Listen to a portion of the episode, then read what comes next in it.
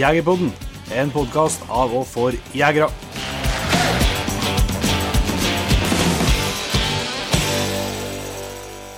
Hjertelig velkommen til Jegerpodden, Jon Inge Vik, sesongens siste episode.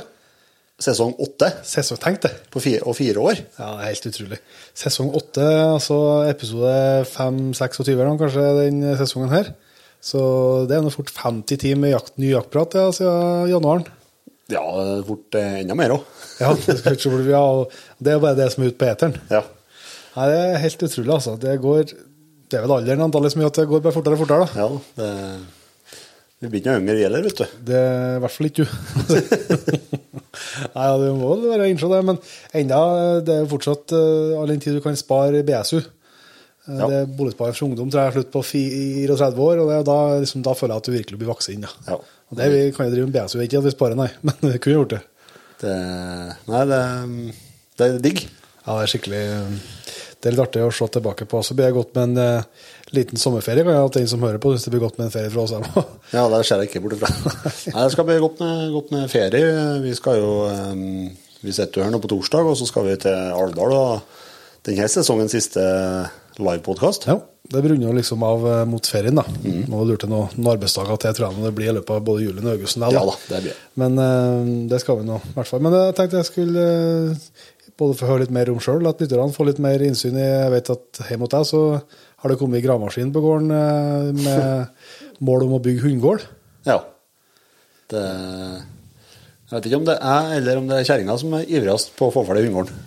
Nei. Men i hvert fall så For jeg har jo vært plaga noe med de to siste årene at eh, eh, det blir mye snø, og det fyker igjen, og hundene hopper over galen og stikker av. Og, og litt sånn, så nå eh, river vi alt som er, og bygger ny. Med flere hundegårder, men mindre hundegårder. Ja. Sånn at vi har én hundegård til så de kan være, være alene, én per hund. Eh, Og med tak over det hele. Yes, det blir bra. Ja. Jeg gleder meg på det. det. Det blir bra, det. Så skal jeg gjøre litt skikkelig noe med, med ordentlig reisverk og element imellom. Og, Ja. Marksikring og marksikring og litt støyping rundt på ringmura. Og ikke støyping hele hundegården, men ringmurene rundt. Og så blir det noe 11-22 single meter Ja. inn til hundene. Det der med om en skal ha På Verdalen så hadde vi jo en Vi kunne dele den i to, da, men der hadde vi liksom en hundegård der eh, vi gikk i lag. Mm. Eh, Jeg savner på vis det på et vis, altså, for det er jo noe trivelig med hundene at de kan gå i lag. Ja. Men uh, samtidig så ser jeg at nå har jeg bygd sånn som du har gjort, med at du har hver sitt rom til dem. Ja. Og det er jo eh, det er veldig behagelig at du vet at eh, de kommer ikke i lag. Nei. Skulle de bli uenige en dag, Ja, ja. så har de ikke revet seg unna hverandre når du kommer hjem, liksom. Nei. Nei, altså det bygger jo sånn at jeg har muligheten til at de kan, kan være laget hvis de vil. da. Og sånn som de to støverne, de er jo Eneste gangen de ikke er i lag, det er når, um, det er når de, de er ute og jakter. Så ellers så står de jo i lag hele tida, og har gjort det i seks år. Ja. Um, men det er greit å ha muligheten til det, og så kan du jo sette dem, kommer noen folk med, på besøk med hunder, så kan du sette opp, Ja. sette opp hop eh, to av mine, så har jeg plutselig to hundegårder fri. Og, Ja. ja, det er fordeler sånn. Nei, jeg da søren hva som er best, eller, eh, men det er jo det er veldig greit å ha begge mulighetene. i hvert fall. ja. Det er ikke noen tvil om. Det er i hvert fall um, Det er jo en ting som er helt sikkert at det kommer aldri til å være tomt for hunder. Det kommer sikkert eh, på en god stund ikke til å være noe mindre enn tre heller. Nei, nei. nei, og når en bor sånn som vi gjør med snø, så, så er jo egentlig ikke noe annet alternativ. Du må få tak over det. Nei, du, du er nødt til det. vet du. Så det er litt sånn, det diskuteres jo der altså i forhold til det med lukt. da, Når du ikke får noe regnvær på Ja. For å få vannet ut. Men uh, ja, jo, den hundegården skal jo være på enden av garasjen, og det er jo ja, det er en 60-70-80 meter fort da, unna der vi, der vi holdt til når vi er ute. og sånn, så og jeg har ikke merka noe til det til nå heller. Og, og jeg, jeg har jo bare én. Så Nei, Jeg ser noe til oss, i hvert fall når vi har hatt taket bare et års tid, men jeg kan ikke, merker ikke noe annet lukt der i hundegården. Nei. nei. Kan ikke si at det- Nei, jeg tror, det- jeg tror det er vær med, med betong, da, for å si ja, det sånn. det er kanskje det du får. Men det er jo muligheter for å ordne så du kan spyle og Ja. sånn, og så er vel eh, Eller eh, Nei, er, men eh, det er jo liksom ikke noe alternativ, for at da Du, greier ikke her det er to meter snø, så greier du ikke å drive og mukke hundegård hver dag. Nei, nei, det går det, nei, det nytter ikke. Nei, men Det blir jo spennende å se når det byggverket står klart. legge ut noe på SoMe, så du får følge med litt hvis Ja. du er på. Ordentlig ferie nede i Ja, ja, ja. sø- sør sørdelen av kloden. Bare én ting hundegårdsspørsmål. er til. Skal du ha netting, eller skal du sette opp element? Element. Element, hele greien. Mm. Skjønner. Det blir det. Så, um, men det blir jo en, eh, en to-fire-reisark mellom hver, Ja. hvert element. Ja. Ja. Som, for jeg må ha noe anlegg til taket òg. ja. Men uh, spalter eller netting? Netting. Netting. For det jo, ser jeg jo diskuteres, da. Ja, ja, ja. Det er jo noen fordeler med de spaltene, selvsagt. ja. Det er- Det er fordelen med spaltene, med at de, eh, med at de i hele tatt ikke får til å klatre. Mm. Uh, ulempen med at uh, to hannhunder som plutselig finner ut at de skal begynne å krangle mellom de spaltene, de får tak i hverandre. Ja. Nei, for jeg hatt eh, Jeg tenkte på det at etter jeg handla nå, men nå blir jeg jo ikke gjøre om det, selvsagt, men, men om jeg skulle hatt netting Eller spalta ytterst, Ja. og så netting imellom. Mm. For å, men nå har jeg jo taket, kom jo taket så langt nedpå til oss at de får ikke Jeg tror ikke de kommer over likevel. Nei. Så de får ikke klatre. De begynner å klatre, så kommer de ikke seg ut på toppen. Nei, jeg ser her klatringa, og det tok seg opp etter jeg gikk over fra Tidligere har jeg flettverk, netting, eh, og, og bytta til element med, med netting. Og at jeg bytta til element med netting, så tok det seg opp litt de klatreegenskapene, vil jeg si. Det er lettere å få tak på dem som Ja. ligger, ligger flatt. Ja. Ja. Ja, så er det jo bare sånn at de, det går jo bra. Det er helt til du har en hund som finner ut av det. ja. Da har du da har du det gående Ja, ja. etterpå. Men klart når du har satt på tak, da, så kan du alltids uh, sperre mulighetene Ja, ja, likevel. Altså. Nei, ja, men det er noe litt hundegårdnerding. Men du var inne på ferie. Ja. Neste fredag, eh, da bærs det til Afrika. Neste gang vi treffes, eh, så håper jeg, håper jeg at du er en del brunere enn du er nå. Ja, men det, det er jo litt Ja, noe kanskje, men det er jo på det vinteren der, vet du. Ja. Men det er vel eh, mer stabilt klima enn i Innerdalen, kanskje.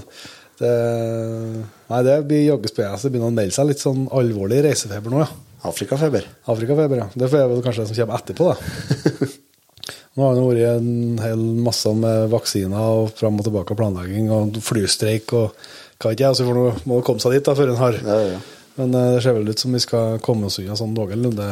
Du sitter og kikker litt på YouTube nå, nå ser jeg. Ja, ja, nå, er, nå har jeg spilt Jeg har ikke noe som har vært inne på Jegerpoden før. Vi skal, skal til Ønsva Safaris og Ønsva Hunting i Sør-Afrika til en eh, tidligere gjest i Jegerpoden, Odd Magne Doseth.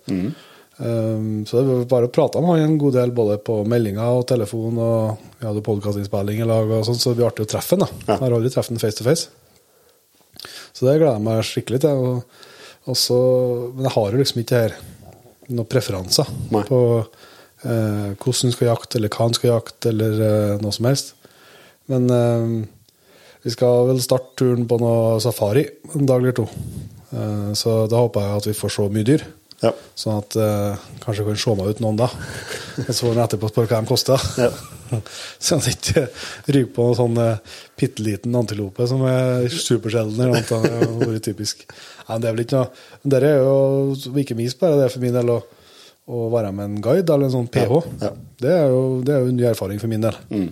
Um, jeg har jo vært guide noen turer sjøl, men jeg har vel eh, større forventninger til de, de guidene der enn de opplevelsene jeg tror jeg har gitt eh, Ja. dem jeg guider. Men eh, det er jo noe jeg er veldig spent på. Det er Dere har hørt så mye om eh, eh, ja, hvor gode de er til å finne spor og, Ja. og kunne følge spor og følge dyr og sånn. Mm. det, å se det i praksis blir veldig spennende. Mm.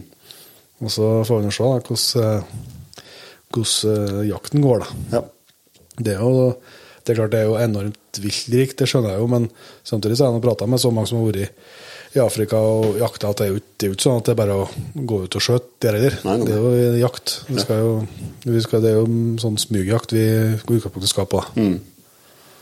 Så nei, jeg er skikkelig, skikkelig spent. Det blir helt eh, Det blir litt sånn eh, Jeg føler litt sånn surrealistisk, liksom, for at eh, på et vis så gleder jeg meg selvsagt veldig, veldig mye, men så har jeg liksom ikke Det er jo ikke som, det er jo ikke som Alaska og Canada som liksom har sett for meg eh, ledige stunder gjennom hele livet. Nei. Sånn den følelsen har jeg jo ikke for Afrika ennå. Men det kan jo Jeg vet jo at veldig mange har fått det etter vært her. Ja. Så det spennende. Kan vi se hva Vi har nå lest eh, masse bøker og sett filmer og eh, Brage fikk jo en sånn bok om sjiraffer. altså gutten. Ja. Den drev jeg vi har lest sikkert 15 ganger. Eh, og det virker ikke som han er spesielt ivrig på sj- sjiraffjakt etter at jeg har lest boka. her i hvert fall. Men eh, jeg syns du virker litt ivrig på å skyte sjiraff. Ja, jeg er litt, jeg er litt ivrig på det. Ja. Så vi får se hva vi blir hva vi blir enige om. Nei, jeg vet ikke. om Du får legge den litt tidlig en kveld. Ja, for, nei, jeg vet søren. jeg, hva- Det er jo et sånn eh, dyr som skaper mye følelser, da, så kanskje Men det er jo et eller annet med Ja, du vet ikke jeg hva det koster, og sånn, så jeg vet ikke hva som er innafor og ikke heller, altså, men ehm, det er jo et eller annet med For eh, jeg er jo blitt etter hvert mer og mer storviltjeger. Ja. Det er klart at det å felle et så stort dyr Ja, de er det er, stor. Ja, enorm. Ja. Så det er jo et eller annet med det som virker veldig sånn eh, besnærende. Ja. Men det finnes da enda tyngre dyr enn det, men det, det begynner vel å vite at pengeboka ikke strekker til. ja. Bøffel, eksempel. Ja, og flodhest og forskjellig. Det er mye stort, vet du. Så nei, det blir virkelig spennende. Så jeg, det blir noe, jeg går inn med åpent sinn og, og store forventninger. Så får vi se hva det, hva det blir av det. Jeg skal nå ta med en mikrofon. Jeg har tenkt altså, spille inn en liten runde med en uh, Ovagno Veder. Da. Ja. Så kan det godt hende at det dukker opp i en uh, podkast nær deg etter sommerferien. ja. Det har blitt bra, det. Det har vært artig. Så det blir spennende. Men eh, det, er ikke, eh, det er ikke bare Afrika vi skal snakke om i dag. Vi skal ha litt eh, dilemmaer og spørsmål fra våre kjære lyttere. Det er det som er hoved. Det har blitt en slags tradisjon det, Ja. i det her sesongavslutninga vår. Men det er trivelig det, å få litt innspill fra dem som hører på. Absolutt, det er helt fantastisk. Men eh, jeg tenkte vi skulle, eh, helt kort før vi går over til det, si noen ting om Aspøyen Gamefair. Ja. Det er jo det vi har jobbet veldig mye med nå. Mesta vår på, på Steinkjer i slutten av august. Jeg, Nå begynner jo etter hvert, Vi kan ikke si at programmet er ferdig, men det begynner i hvert fall å være Vi vet litt hva det inneholder. Så da tenkte jeg vi kunne eh, fortelle lytterne Jeg vet jo at det er mange som hører på, som har tenkt seg dit. Håper i hvert fall det. Ja. Eh, Da starter jo på fredag 26. klokka sju.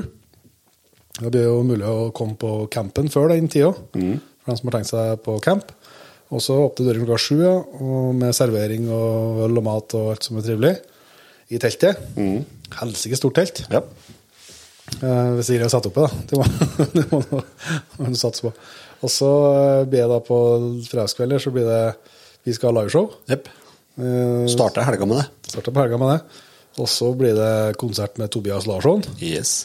og Jegerinnene og forskjellige Glesbygdsromantikk. yes, og elgjakt igjen, og det er forskjellige godlåter som skal fram eh, fra glemselen. Det gleder vi oss enormt til. Og så er det Magnus Hestegrei med fullt band som eh, blir liksom eh, hovedsmellen da, på scenen. Så det er jo en kveld å få med seg, det er jeg helt sikker på. Ja, absolutt. Og lørdagen Klokka ti. klokka ti, ja, da åpner døren for messa. Ja. Da er det jo masse utstillere og Vi holder helt faktisk på å nærme oss nesten 50 utstillere nå. Ja, tenk det. Ja, helt, helt sinnssykt. Så det, det, bør, det der er jo mye å få med seg der. Jep, blant utstillerne. Både når det kommer til jakt og bil og utstyr og klær og mat og masse greier. Eh, og så kommer jo en eh, Kenneth Aspestrand. Ja. Skal ha skjøteshow.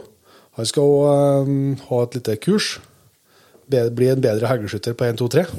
Så Så må da, så da, da skal jeg stå alene på stand. ja, jeg må se om jeg kan noen minutter, og jeg får med meg noen tips i hvert fall. Det tror jeg kan være nyttig å få med seg. Eh, Tore Solstad fra Brokklandsheia. Ja.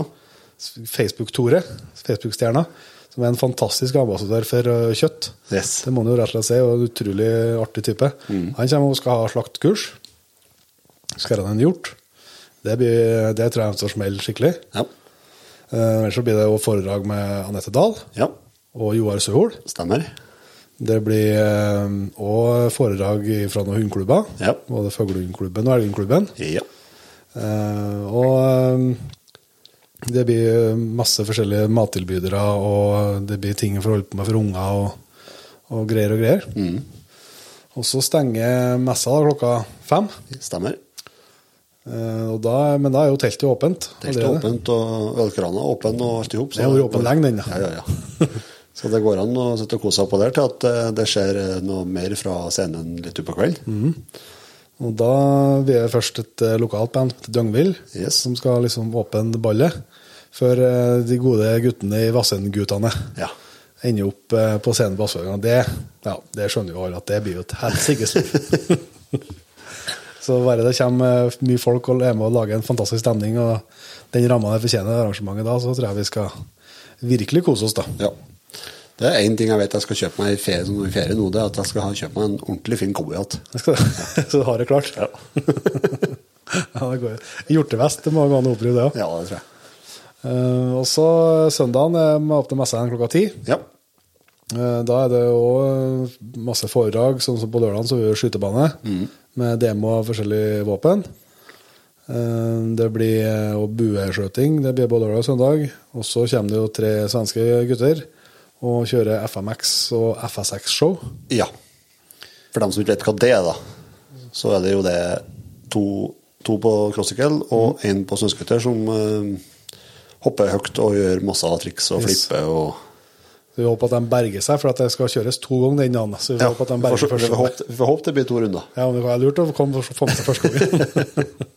For det er jo Her er det jo lest en skade, skadehistorikk og sånn på utøvere på, som driver med sånne ting, og den er, er som regel ganske velfylt. Ja, de, eh, det er noe benknekk, ja. Ja, så det, men det, er altså, det, det tror jeg også mange som syns blir artig å følge med på. ja. Det er i hvert fall action.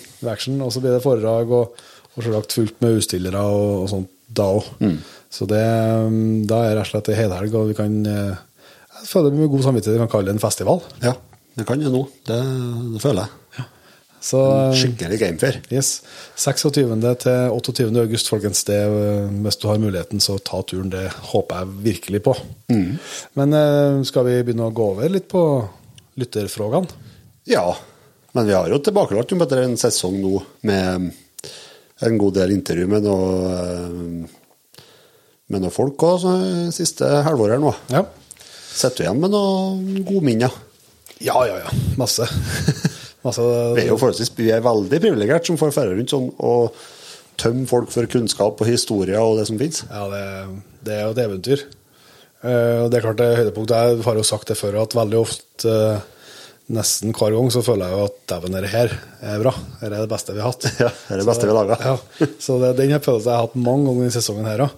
Så det er jo skummelt å måtte trekke fram høydepunkt, men uh, det er jo eh, det er vanskelig å Jeg er jo bestandig svak for det pratene med de som er litt oppi åra. Ja.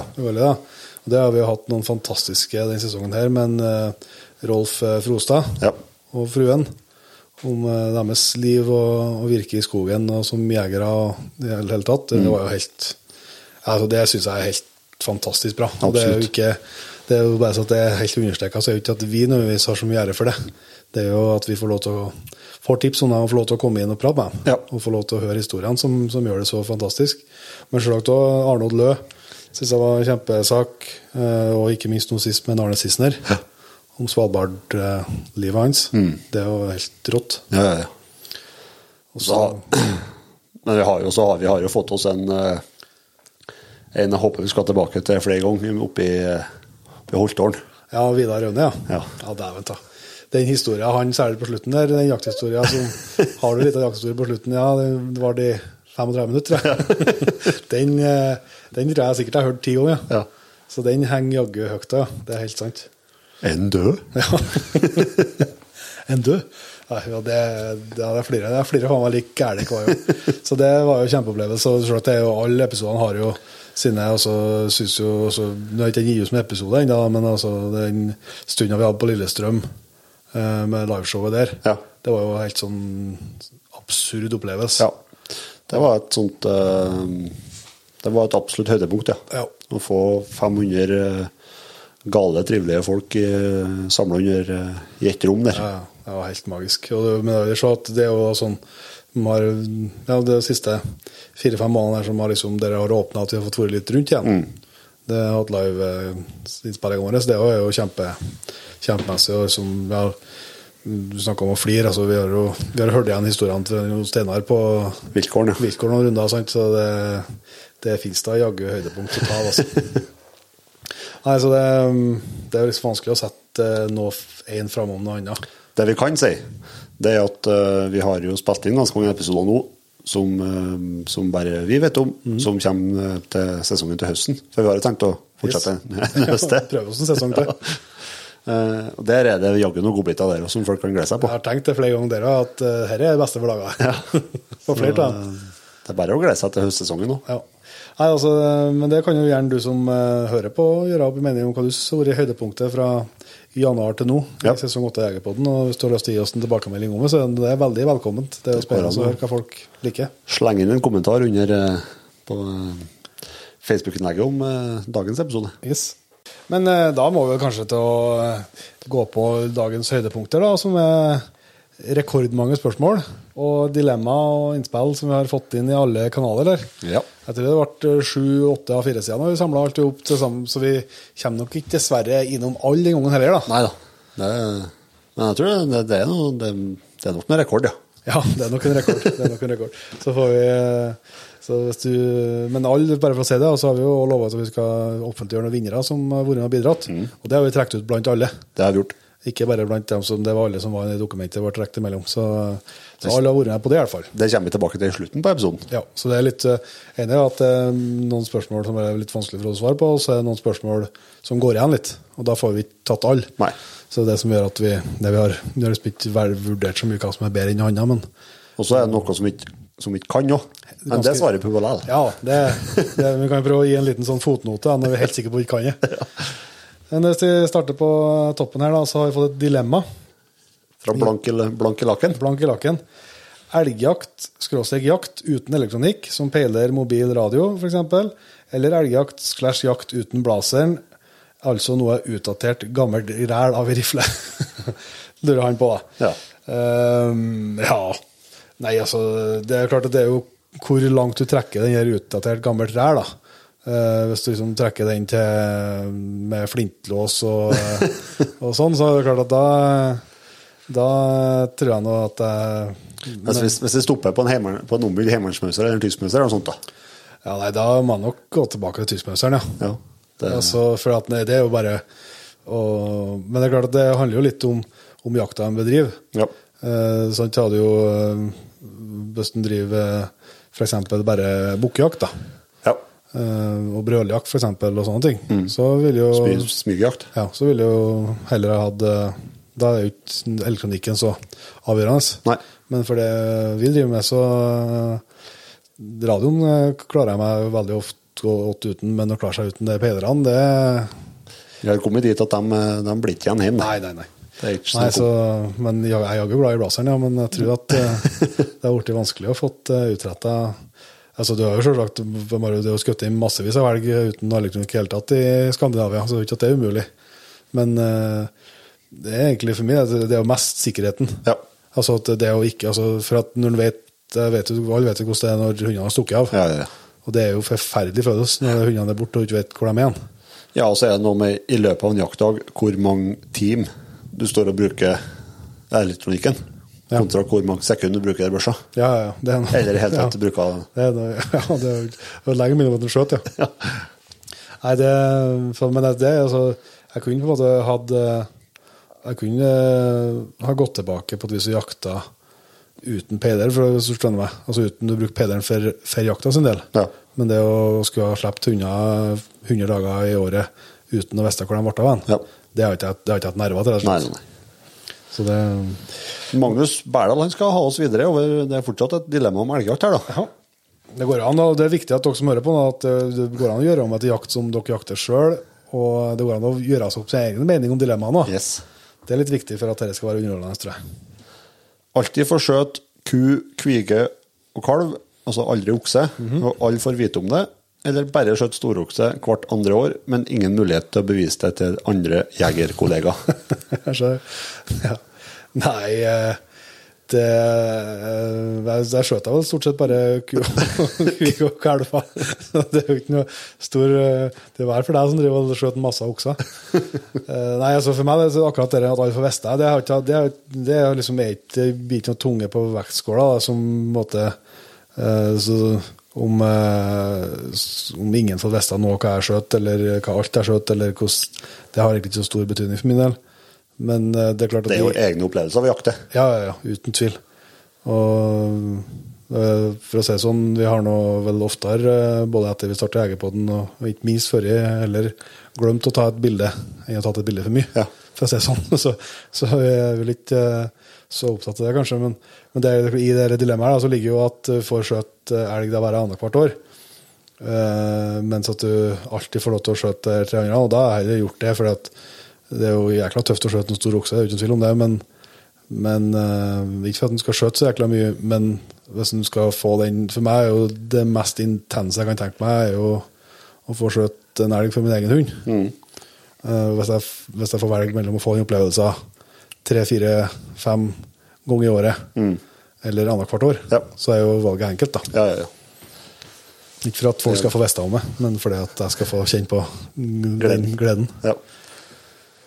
Nei, jeg, jeg har da nesten ikke okser på kvota i året, så Så det Å, vi skal vel lure til noen. Nei, det blir ikke, det er ikke noen tvil. Det er, um, det er Det har vi sagt før, og det er jo like stor stas å skjøte kalv og kvig. Og, Nei, det, er, ikke like stor stas, men like stor stas, men det er jæklig artig, det òg. ja. Men kua og skal nå få berg i det lengste. Jo, jo, jo, for all del. For all del. uh, og så neste er da Vegard Karlsen. Ja. Uh, han sier har nesten full Jegerpodden-outfit med caps, solbriller og skjort og T-skjort. Det, det må jeg bare gratulere deg med, Vegard. Har gjort mye gode kjøp, det skjønner jeg jo. Eh, så er spørsmålet når kommer samarbeidet med Ravne om å få laga ei Jegerpodden fritidsbukse? Eh, det kan ikke jeg si verken ja eller nei til, for det har vi ikke tenkt noe på. Det ligger ikke noen plan, i hvert fall. Nei, det, Noe fritidsbuks. det, det, har vi, det har vi ikke diskutert. Nei. Ehm, men det jeg kan si, da, det er at vi holder på med et samarbeid i lag med Ravne. Vi har holdt på med et års tid. Mm. der vi nå eh, forhåpentligvis mot høsten har eh, prototype to klar, og kan eh, morteste det gjennom høsten. Og hvis det produktet blir så bra som vi tror og håper, så tror jeg både vi og mange med oss kommer til å bli veldig glad i det. Ja. Og så um, er det, da er det noe Jegerpottens lyttere og patrients og greier også som får høre med først. Det er garantert. Hvis vi, hvis vi kommer dit at det blir noe av, i hvert fall. Men en fritidsboks, det, det gir vi ikke snakket om, rett og slett. Det har vi ikke. Så det kan, det kan plutselig skje òg. Jeg er ikke imot eh, noe som er ikke så spennende. seg. Problemet folkens, er at og Petter er litt uenige om hvor lang buksa skal være. Ja, det det som, Noen som er opptatt av lengde, og noen som er opptatt av vidd. det var vi to versjoner i så fall. da. En short and fat, en long and ugly. det var litt tøft. Kos deg nå. Ja, det er bra. Neste på listen. Daniel M. Runde. Mhm. Han, eh, den her er jo litt eh, spennende. Eh, Han omhandler jakthund. Der han sier at vi har opplevd oppturer og nedturer det siste, og mista en god kompanjong. Faller dere tilbake til en spesifikk type rase, og hvor lett er det å erstatte en turkamerat man har brukt så mange timer på og trent med, for å så å starte på nytt? Ja, det er jo Har vært Ak aktuell Ja, veldig aktuell. Nei, det, for å se, ta det første først, da, altså eh, Fell tilbake på en spesifikk type slags rase. Det, det, det vet jeg, det er litt sånn eh, eh, vanskelig. Jeg har ikke eh, Nå er det ikke så voldsomt mye hunder jeg har hatt der, da. Men eh, grunnen til at det ble hjemtehund for min del, det handla jo om at det var det jeg ble introdusert for Ja. når jeg begynte å være med på løshundjakt. Og fall veldig for de hundene, både hvordan de jakta og hvordan de var som typer. Eh, og likeens var det når jeg vært fuglehund. Så var det jo Kenneth Mossika vi jo snakket, hatt med som gjest i Jegerpodden. Ja. Det var han jeg fikk oppleve fuglehundjakt med første gang jeg var isletter. Og da ble det noe sånn for min del òg. Så, så det har liksom vært litt tilfeldigheter kanskje som har endt at den endte opp der. Ja. Um, så når eh, jeg mista hundene, i hvert fall, um, så vurderte ikke en annen rase, nei. Nei, nei. Det er jo ikke hva som er grunnen til det. Det kan jo være, sikkert være flere ting, men, men det er noe, det er noe litt sånn at det, blir jo glad i den, den rasen, og så er det noe at en etter hvert lærer seg litt ja, om linjer og, og sånt som, som du kan få bruk for videre. Ja, det syns jeg jo hun, eh, hun vi hadde med som siste gjest, var litt eh, Hun var godt inn på det at når du har, Nå når du har flere episoden ikke gitt ut, da, men Nei, sånn er stemmer det. Da skipper vi den. innspillinga har gjort så Det kommer noe lurt. Det kommer, det kommer noe lurt, ja. Det kommer noe lurt. Ja, men da dropper vi den. Ja. Men eh, nei, altså, så det er ikke Jeg har ikke vurdert å, eh, å skifte rase noe av den nå. Da. Så kan det jo være det å bytte type, da, altså det går imellom. Og det har jeg jo sagt flere ganger at jeg tror på et eller annet tidspunkt så blir det jo en uh, fuglehund til. Mm. jeg har jo tinga på en dags Ja. igjen, så jeg skal jo ha med en eh, ny. Eh, og det er jo sånn med, med dachsen, da, altså det har jeg jo ikke noe særlig erfaring med i det hele tatt. Så det var jo veldig tilfeldig. Jeg fikk veldig god kontakt med en Stula når vi hadde med som gjest på den første gangen. Ja. og ble litt gira på det. Og så eh, ble jeg jo ekstremt glad i den dachsen vi hadde. Ja. Um, som, både som jakthund, men ikke minst som personlighet og type. Ja, ja. Og da blir jo at en liksom søker jo det på nytt. da. Ja. Samtidig som du vet at du får ikke akkurat samme hund igjen. Nei. Men, eh, men, det- men der er jo folk litt forskjellige. Noen er jo veldig flinke til å prøve masse forskjellige raser og, Ja, ja, ja. og bytte imellom. Og så er det noen som er litt mer sånn som jeg, kanskje, at en- at en setter seg litt fast i, i de rasene en har. da. Ja. Det er Nei, jeg er helt enig med deg. Det er, mm, og så er man kanskje litt for dårlig til å, til å um, vurdere andre, raser. raser. Men um, sånn som for vår del og den jakta vi bedriver mest, så, så er det jo ikke så veldig mange raser å, å, å velge mellom her. Nei da, det er for så vidt eh, I hvert fall der det er mye, mye avlsmateriale å velge. Nei, det er nettopp det. Uh, Men, uh, men hvor lett det er å erstatte en turkamerat, da, det er jo ikke noe lett. Nei. Det er rett og slett kjempevanskelig. Altså, men det er jo Jeg tror i hvert fall for min del så tror jeg jo altså at det blir mye Altså Jeg er jo superglad i hundene vi har nå, for all del. Men eh, det blir mye vanskeligere for meg å erstatte eh, Eller det kommer aldri til å bli så vanskelig å erstatte hunder igjen som det har vært. For jeg tror det å erstatte den første Ja. er mye vanskeligere enn å erstatte nummer to. Ja, ja, ja. Uten tvil. Fordi at du får et eh, Selv om du sannsynligvis så bruker jeg jo ikke mindre tid på hundene jeg har nå enn jeg bruker på Eiko. Um, men du får et helt annet forhold til en likevel. Ja, og så tror jeg det handler noe om hvor mye man lærer sjøl yep. av den første hunden. Ja, og så det liksom du får, du får oppleve den første losen med din egen hund. Du får oppleve å felle den første elgen for din egen Ja. hund. Og så, så, så, du får så mange førsteopplevelser. Og de er nå like ei, men de er jo ofte, i hvert fall for min del, sterk, det aller sterkeste. Ja, ja. Så, um, så jeg tror nok at uh, Og likeens med Zero, altså, som var det første erfaringene jeg gjorde meg med, med drivende hunder, så, så um, tror jeg det er lettere å erstatte nummer to. Selv om det er jo selvsagt trist og lett, og alt sånn, sånn, så er det liksom noe eget med, med det første. Da. Ja. Men så jeg var jo, det har jeg snakka om i Jegerpoden før, og for min del så gikk det jo til helvete som det går an å forestille seg, mer eller mindre på hundefronten i fjor høst. Da. da kommer du jo rett og slett til et punkt der du må gjøre et valg. Har du lyst til å fortsette eller ikke fortsette? ja, ja. Um, og da var jo, sjøl selv om det var tungt der og da, så var jo svaret på det vis enkelt likevel. At du har lyst til å fortsette. Og da, da er jo ikke noen annen vei rundt det enn å, enn å gjøre sitt beste på nytt. Nei. Og prøve å få, få det til. Og så vet en jo akkurat hvordan det er. Nå har jeg to unger, og hvis det er bare de små opplevelsene jeg har hatt nå på uh, viltgården og, og Mamima, det syns jeg er jo helt rått. Ja. Så snart er jo august, og han kan begynne å slippe han der og, og begynne å få litt svar på hvor vi ligger hen. Veldig bra. Han eh, Trond Egil Bjørke han er jo litt innenfor samme, samme sjangeren. Ja. Han er jo litt der at uh, hvis du kun fikk bruke én jakthundrase resten av livet, hvilken rase skulle det ha vært? Uh, der er jeg Da blir jeg straks mer usikker, ja. Jeg Der, vet du, jeg har blitt så eh, at det, da, da, Hvis jeg måtte hoppe bare én hund, da tror jeg jeg kom til å gått for en, en skikkelig allrounder. ja. En sånn eh, ja, type vakt eller Munsterlander eller Ja, noe sånt? Liksom. Vaktel, Munsterlander, Forster, kanskje. Ja. Et eller annet sånt. Som kunne jaga litt av hvert, men som en, eh, kanskje kunne prøvd å få til på fugl. Og Ja. kunne Ja, brukt, brukt det veldig mye rart. ja. Men altså Det er jo eh, Ja. Sannsynligvis måtte han ha gjort noe sånt, da.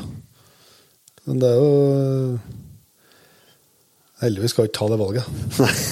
Men dæven, det har vært tungt, og alle skal høre den uh, hjemsundlos igjen, ja. Ja, for sin egen hund, ja. Men Hvis jeg har en eh, multi, en eh, multijager, da, så kan du ha en Ja, men det står jo at jeg fikk kun bruk. En det er ikke jeg som bruker den om du slipper den. Nei, du får ikke være med vet du. Nei, men jeg måtte nesten gå for noe sånt, da. Og, å, og det høres jo Det er jo helt sikkert ikke enkeltere å få til en eh, velfungerende sånn multitask-greier, altså. Nei, Men det, hvis en får til det, så virker jo det veldig, veldig tøft. Ja, det, det gjør det også. Men det er litt eh, etter som en bor der en bor, så er det liksom ikke så mye eh, Nei, jeg vet da faen. Nei. Heldig, det har vært vanskelig, det. Er det noen flere spørsmål? Philip Hovde Kjeserud han har et her. Eh, hva ville dere valgt av å alltid kjøre gul Skoda Felicia Fun Pickup, men, kun, men kunne brukt jevnt og blazer? Og alt dere ville av jaktutstyr. Eller kjøre fullrigga Hilux AT37, men kun jakte i barnehagedress med grå hund. Skåla er bra biler, det. Ja, det finnes mye bra Skåla. Nei, jeg vet da søren, jeg. Eh, der barnehagedressen er litt sånn vanskelig, da, hva som ligger i må prøve å se for meg en sånn barnehagedress. da, Jeg, det, jeg, jeg ser for meg at ligner- vi skal ganske nært oljehyre. Ja, det er klart at det er sekt. Jeg blir varm nok jeg, om ikke jeg skal ha oljehyre. Um, Nei, Den der, den der syns jeg er enkel. Det er, det er i Skoda. uansett om vi er veldig glad i jaktbiler, så er det fortsatt bare transportbiler. Ja. Men uh, bare tenk på hvor ille er det med barnehagedress og gråhund. Og det er ille, vet du. Det er. Spesielt hund, selvsagt. Nei, jeg, jeg vet da faen. Jeg er kanskje på, de, de er grenseløst stygge, er de ikke det, skålene? Da? Jo, det er de. Men, eh, Jeg ser, det er jeg ser for meg, det, i hvert fall. så er de ikke all verden å se på. Men... det er ikke så mye, altså Skåla pickup er ikke så mye å velge mellom. Nei, det er sikkert den jeg ser for meg. Ja, nei, vi må gjøre det, Nei, du må gjerne hjelpe med i barnehagedress og grønn, ja. da. Ja. Jeg har jo Jeg liker jo Jeg syns jo Hilux 37-tommer er jo helt sinnssykt rått, da. Ja, det er det. Det... Nei, jeg får, jeg får, jeg får sett på å kjøre Skoda, jeg òg. Yes. Trond Helge Hofsmo. Han, eh, det er kort og greit skalbekledning eller fora jaktdress. Uh, ingen deler. Nei, det er helt korrekt. Nei, altså, det, går, det finnes jo ikke ett et svar på det. Nei, jeg liker jo, bruker jo mer og mer klær uten, uh, uten membran. Ja. Enten uh, vadmel eller uh, bomull. Mm. Eller annet, eller flis, eller alt mulig som ullklær og alt mulig som ikke har membran. Eh, men, eh, men skal han jo holde på hele høsten og skal være sikker på at han kan ha greit på jakt alle dagene, så må du ha skalbledning i tillegg, da. Ja. Det er ikke altså Valget mellom skalbekledning og fôra jaktdress den, den syns jeg er ganske enkel. For at uh, de fôra jaktdressene de er stort sett for, for varm og for tung. Ja, ja og det, det kommer jo alt på, alt an på jakt, både jaktform og hva du, Ja. hva du driver med. Men eh, så varm som jeg, så eh, det skal jaggu være kaldt, ja, for jeg må ha noe som er fôra. Ja. Ja, ja. Nei, skabelhøvding eh, det, det meg blitt mer og mer glad til etter hvert som at eh, når det, I hvert fall på dager når du virkelig har bruk for det, det regner mye. ja, du må jo så Det er jo det eneste som, som holder da. Ja. Men eh, Og oljehyre, da. Å ja. Neste her, da, på, det er Rune Jegeråsen Rambøl. Bue og buejakt, hva vi tenker om det om vi har prøvd bue? Eh, Jon Inge, har du prøvd bue? Eh, jeg har vel eh, prøvd å skutte på blink med sånn eh, type jaktbue og sånn, ja.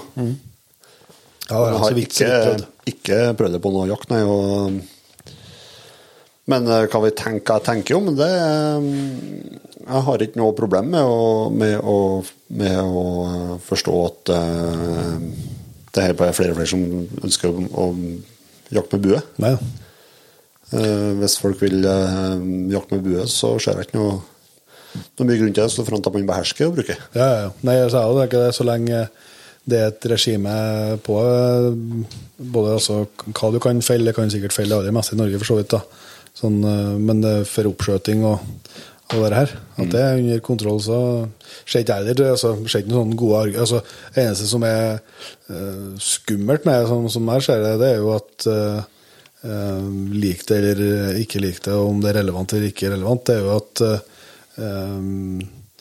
en pil er mer eh, visuelt enn en kul. Ja. Ergo eh, i en gitt situasjon så kan en skadeskyting, som like fort kan forekomme med riffel, Mm. misforstå meg rett, men den kan, kan i noen situasjoner være, være mer visuell. Ja. Og ergo kan få større slagkraft i forskjellige fora. Ja. Det er på et vis minuset som jeg ser, da. Men, eh, men jeg vet ikke om jeg syns at det er et godt nok argument til at en skal forby noen ting. Nei. Eh, Det syns ikke jeg er det samme nødvendigvis, da. Nei, nei. Det er Nei. Det er Så framt man eh, kan kalle det sertifisering eller eh, bestått skyteprøve eller noe sånt, så mm. og man må på et vis dokumentere at man behersker bruken, så Ja. ser jeg ikke noe problem med det. Så får vi se.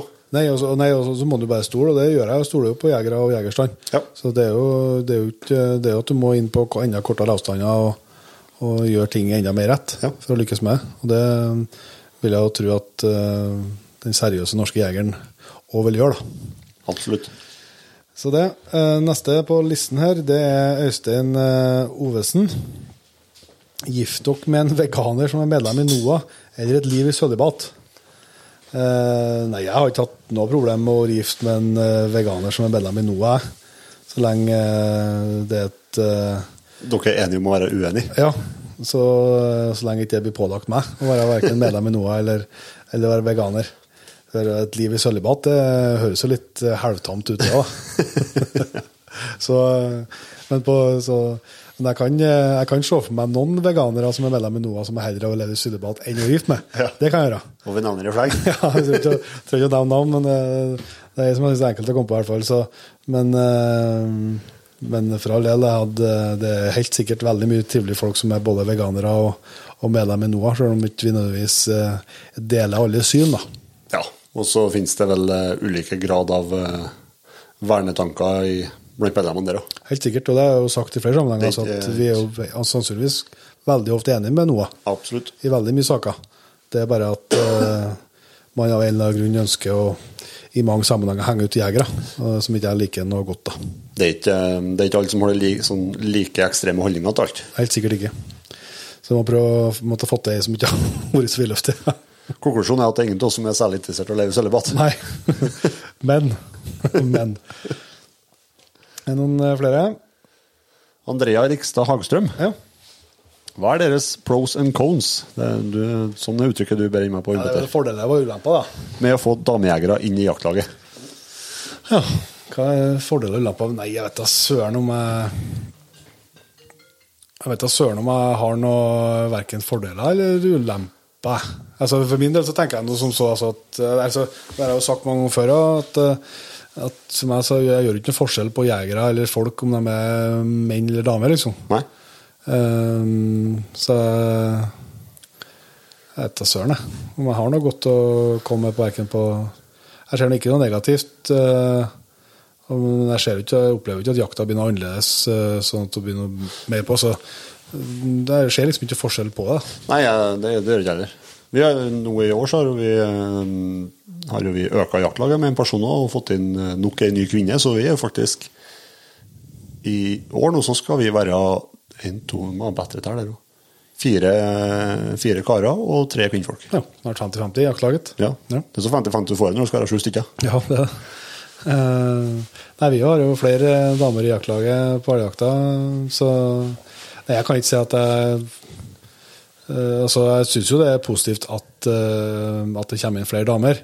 Og så kanskje se det som en uh, pro, da, at uh, jeg har jo uttalt det i mange sammenhenger at jeg tror det viktigste vi kan gjøre for å bevare uh, jaktas posisjon i det norske samfunnet, er jo at vi nærmer oss 50-50-deling så fort som mulig. Sånn at, sånn at Det er jo veldig positivt i seg sjøl. Og det er jo selvsagt positivt med å få inn en dame i jaktlaget, at da kan, jo, kan det være en, en ny brikke på vei mot det målet. Eh, men altså, jeg kan ikke si at jeg håper ikke i hvert fall at jeg opplever at jeg verken oppfører meg noe annerledes eller gjør noe annerledes fra eller til om, eh, om det er med damer eller ikke. Nei. Nei, det er Jeg, jeg kan jo svare litt uh, annerledes av det. At jeg, jeg syns jo det er Ofte så syns jeg det er det er litt givende å ha med seg, seg damer på jakt, for at de er utrolig um, eh, De suger etter mer læring, kan vi si. Ja. De er veldig, veldig opptatt av å lære mer og, og, eh, og veldig lærevillig på, en- på en måte. Ja, ja det kan jo det. Og så kan det jo selvsagt eh, eh, være at tonen blir annerledes, da. Ja. Men samtidig for min del så opplever jeg at det er jo like mye avhengig altså det er egentlig så mye avhengig av kjønn, det er jo mer etter hvor godt du kjenner folk. altså Er du på jakt uavhengig av kjønn, men hvis det er folk du kjenner veldig godt, så kan jo, er jo tonen annerledes enn at du er fire-fem stykker som bare vet av hverandre. Ja. Så blir jo tonen forskjellig. Ja. Sånn at, eh, og det er jo oftere at jeg er på jakt med tre-fire karer som jeg kjenner godt, enn at jeg er på jakt med tre-fire kvinnfolk som jeg kjenner like godt. Ja. Så det gjør at tonen blir forskjellig, men jeg tror ikke at det, jeg tror ikke det betinget at det er kjønn som betinger at nei, nei. tonen er forskjellig på et vis. Nei, det er litt um, Jeg syns det er at de, de, er, de er enda, mer lærevillige og, og er liksom eh, ser ikke mørkt på noen ting. Nei. Alt er bare ja visst. Yes. Ja, det er bra. Eh, Nikolai Sandberg Ja. eh, hadde bare vært morsomt å få til en prat og diskusjon rundt problemet for ferske jegere som prøver å få innslipp på jaktlag, eller som prøver å få tak i eget jaktterreng. Mange nye jegere sliter med å komme i gang. Og det er jo viktig. Har han helt rett i. Ja, helt rett i. Eh, også hvor mange som sliter, og sånn, det vet jeg jo ikke noe om. da. Men at det, det er plasser på en del jaktformer er vanskelig, og er vanskeligere, det, det tror jeg i hvert fall man kan si, noen, si helt sikkert. da. Um, hva som er um, noen tips uh, som vi har vært inne på flere ganger før. altså Vi har jo veldig trua på det å ta med seg en. Det har vi hevda i flere, i flere omganger. At, at, eh, at vi som er etablerte jegere, er blir enda flinkere på å ta med oss nye jegere ut. Det tror jeg er veldig viktig. Og så er det jo litt eh, dere, altså, Hvis du tenker at du er helt fersk jeger, da, så er det akkurat tatt jegerprøven og kanskje ikke har noe nettverk, så, så tror jeg det viktigste tipset er å ha et litt sånn åpent sinn til hva du skal være med og prøve. Ja. For at det er vanskeligere å få komme inn på et elgjaktlag eller få tak i seg elgjakt enn det å prøve å jakte rev. Eh, og det kommer det alltid til å være. Ja.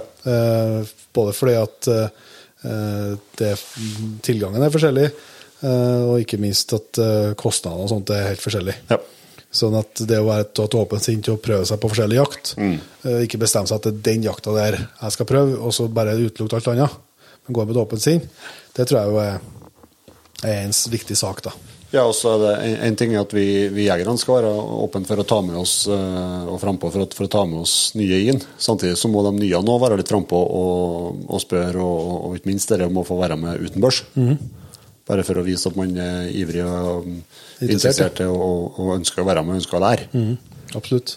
Og da liksom får du Si at det er et eh, hjortejaktlag, et elgjaktlag, og du får lov til å være med kanskje uten børs, da, så at du bruker det som i hvert fall backmiddel for å komme inn. da. Ja.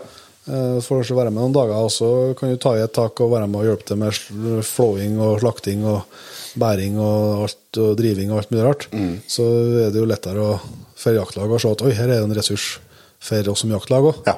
Og da er det jo enda lettere å, å slippe inn en ny en, tenker jeg. Så, mm, men at det, er et, eh, at det er en utfordring for, for mange, det er, ikke noe, det er jo ikke noe å, å lure på, det. altså.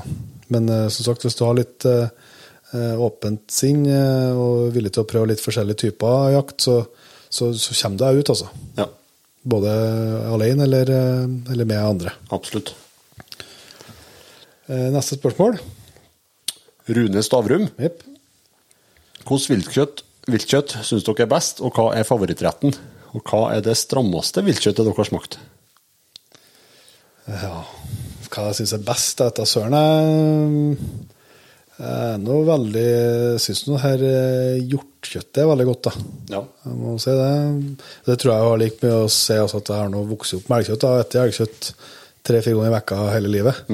Og det gjør jo selvsagt sett at eh, du ikke får den samme eksklusiviteten knytta til det. Ja. Sånn til mye annet. Men samtidig smakte det jo sånn uh, Syns jo villsvin var helt fantastisk godt. da. Ja. Og dåhjort. Jeg har jo så vidt smakt av det, syns jeg var helt magisk. ja. Um, så hva som er favoritten til alt det der, da? Nei, skal vi se, det elgkjøtt er favoritten, da. Nei, det er jo det er et kjøtt en kjenner seg veldig godt, og, som en Ja, ja. er, altså med, og det er helt sikkert hjortekjøtt altså, og sikkert rein og alt sånt, men det er fordelen med, med elgkjøttet, som jeg ser i hvert fall, det, og som jeg har lært meg å bruke, det er at det er så anvendelig. Ja, ja. Både til fest og hverdags. jeg, det tror jeg hjortekjøttet er. òg. Ja, det er helt sikkert det. Men samtidig Nei, også det er- finnes det mye godt uh, hører du. Fuglekjøtt. Ja, ja, ja. uten, uten tvil. Uten Det gjør det. Men jeg syns det er små villsvin er kanskje spesielt, for at det, det er jo en av de få viltkjøttet som det faktisk eh, finnes litt fett i. Ja. Og litt fett i kjøttet må være for at det skal bli Ekstra saftig og smaksfullt, ja. Ja. Eh, men favorittrett, da. Eh, der eh, Jeg må rett og slett si at jeg Du har jo så sær en ja. Ja, altså, jeg syns jo elglever er jo helt Det, det syns jeg er helt nydelig. Uh, og, men jeg tror favorittretten min av viltkjøtt, som jeg tror i hvert fall, jeg vet noe aldri, men som jeg tror jeg kunne spist i flest dager, da, uten å bli lei, det er koka elgkjøtt. Altså koka skanker, potet og løksaus. Det syns jeg er helt fantastisk godt. Ja. Det tror jeg du kan, i hvert fall tror jeg at det, det tror jeg kan ete 300 dager i året. Ja. Det tror jeg går bra. Og det for eksempel syns jeg jo rådyr er nydelig, men det tror jeg ikke jeg kan ete 300 dager i året. Mm. Nei. Så det er litt etter hva du Ikke tre dager i uka, eller? Nei, altså det er litt etter hvordan, eh, hvordan skalaen uh, vurderer hva som er favorittretten. Vi skal litt inn på neste spørsmål. her, vet du. Ja, Men først, så, men først skal vi inn på hva det strammeste viltkjøttet vi har smakt. Det kan jeg bare skjøte inn at det var på Camp Innmark. Ja. På liveshow når vi fikk servert eh, Ja. grevling. ja, fy faen, det var ille, ja. Det var skikkelig ille, faktisk. Ja, det er vel det Det er det definitivt. Ja, altså Den ettersmaken der den satt i så lenge, den. Ja. Du var vel prøvd deg på ren vodka for å bli kvitt Ja, da, da, eh, da først da begynte å forsvinne den ettersmaken. Da når du begynte å shotte vodka. Da, Det var det der som forsvant, ja. For ettersmaken. Nei, det må nok være det, illest, det mest ille, ja. Eh, men ja, for, det var ikke, for det var jo ikke noe ille når du åt det. nei, det var bare satt seg i hele systemet. Ja, anbefales ikke. Niks. Eh, men eh, av sånne ting som Jeg har aldri fått noe viltkjøtt som liksom har vært dandert og laga til, som jeg syns ikke har vært godt. Men det jeg kommer på i farta, som kanskje er litt mer vanlig viltkjøtt, da, det det jeg syns har litt sånn stram smak. Det er faktisk rypa. Ja. Ja, men har det bestandig syntes det har vært godt, det. Ja, men det er ikke Du er, du er litt sånn forsiktig, du, vet du. Nei, men Den, den syns jeg har litt sånn stram eh, litt sånn karakteristisk eh, smak òg, som du ikke har på storfuglen og Ja. ørfuglen. da. Men så er det sånn, for eksempel, det har jeg jo sagt før, eh, at det er ikke noe jeg har spist bjørnkjøtt noen turer. Ja. Det, men det er jo sant, det blir jo sånn, det er avhengig av hva, vanskelig å vite hva som er hva. Ja. For det, det bjørnkjøttgreiene er ikke noe for meg. Nei. Men det vet jeg, tror jeg i hvert fall handler om i like stor at jeg har sett så mange ganger hva han karen der kan ete. Ja. Og da får du ikke lyst til å gjete han etterpå. Og da er det vanskelig å vite om det er det at du er farga av det, som gjør at ikke matopplevelser blir i all verden, eller om det er at det faktisk ikke smaker noe godt. da. Litt det som er problemet med grevling òg, kanskje. Ja, ja. kan si det. Men han Anders Morstad han lurer på litt mer spesifikt hva som er det beste viltmåltidet vi har spist, og hvorfor. Ja. Hvis du må tenke litt der, Ja. så kommer jeg veldig godt på når vi var til Joar på hjortejakt. Når vi spilte inn Damedeien. For da hadde vi en jaktdag der, der det altså Det bøtta ned fra himmelen. Det var så mye regn. Det var ganske bratt. Det var så gæli bratt, og det var så gæli bløtt. og det var helt, ja, helt Og vi skulle sette oss i bilen og kjøre hjem. Eh, og det er jo ikke, det ikke gjort en svingom, det heller. Men da har han bare flekka i hop ei rask lita gryte der, eh, før vi skulle ferde. Og da, da liksom ja, Da følte jeg at eh, nå er vi heldige, for da har liksom fått dusja og begynt å få igjen varmen, og så kom det et herlig måltid som man bare smekka opp der. Det var så godt, det. ja. Og det er jeg sikker på at det måltidet Nå skal jeg ikke snakke om Joar her, men jeg tror ikke det måltidet har smakt like godt. Har ikke vært for det hele den, Nei, hele settingen hele var- den dagen ja. forløp med regn og bratt og faenskap. ja. Jeg har ei sånn eh, Jeg har vel eh, to som er litt vanskelig å skjelle mellom for min del. Den ene jeg var inne på koka kjøtt. Det var vår felles jaktkompis eh, Morten som eh, hadde Om han hadde forutsett hvordan dagen skulle gå, eller hvordan det ble, det vet jeg ikke. Men i hvert fall han, eh, uten at jeg visste, så han om morgenen satt på ei gryt med- som jeg fylte opp med, med elgskanker og, og saga opp noen ryggreier og alt mulig rart oppi. Ja. Og løk og gulrot og forskjellig. Og så eh, bar vi ut på elgjakt, og vi skjøt en elg eh, som ble liggende eh, ikke så enkelt til. Mm. Vi holdt på hele dagen, så det var mer enn mørkt eh, når vi var kommet ned. Og det var sent på høsten. Og blaut og kald og, flå elg og sånn. Og så trakk han opp den hatten. Ja. den gryta her som har stått, da tror jeg har stått i sånn 13-14 timer. Ja. Og småputra. da. Ja.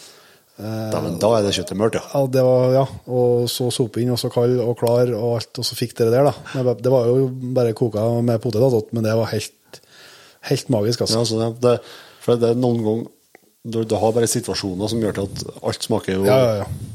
Altså, mer inn du er, dess bedre er jo alt. Ja, det er sånn RSP og alt sånt, og snurring, og det smaker jo mye bedre ut Ja. når du virkelig kjenner at nå er jeg sopp Yep. Enn det smaker hvis du lager hjemme. Jeg hadde jo en sånn eh, en annen gang, det har jo ikke med vilt å gjøre helt tatt heller, men da hadde jeg jo eh, det, det var helt i ung alder på fuglejakt. sånn klassisk smell som veldig mange har opplevd å gå på. Det, det var jo allerede da den begynte å bli ganske lang, og var ikke med meg mat og ingenting.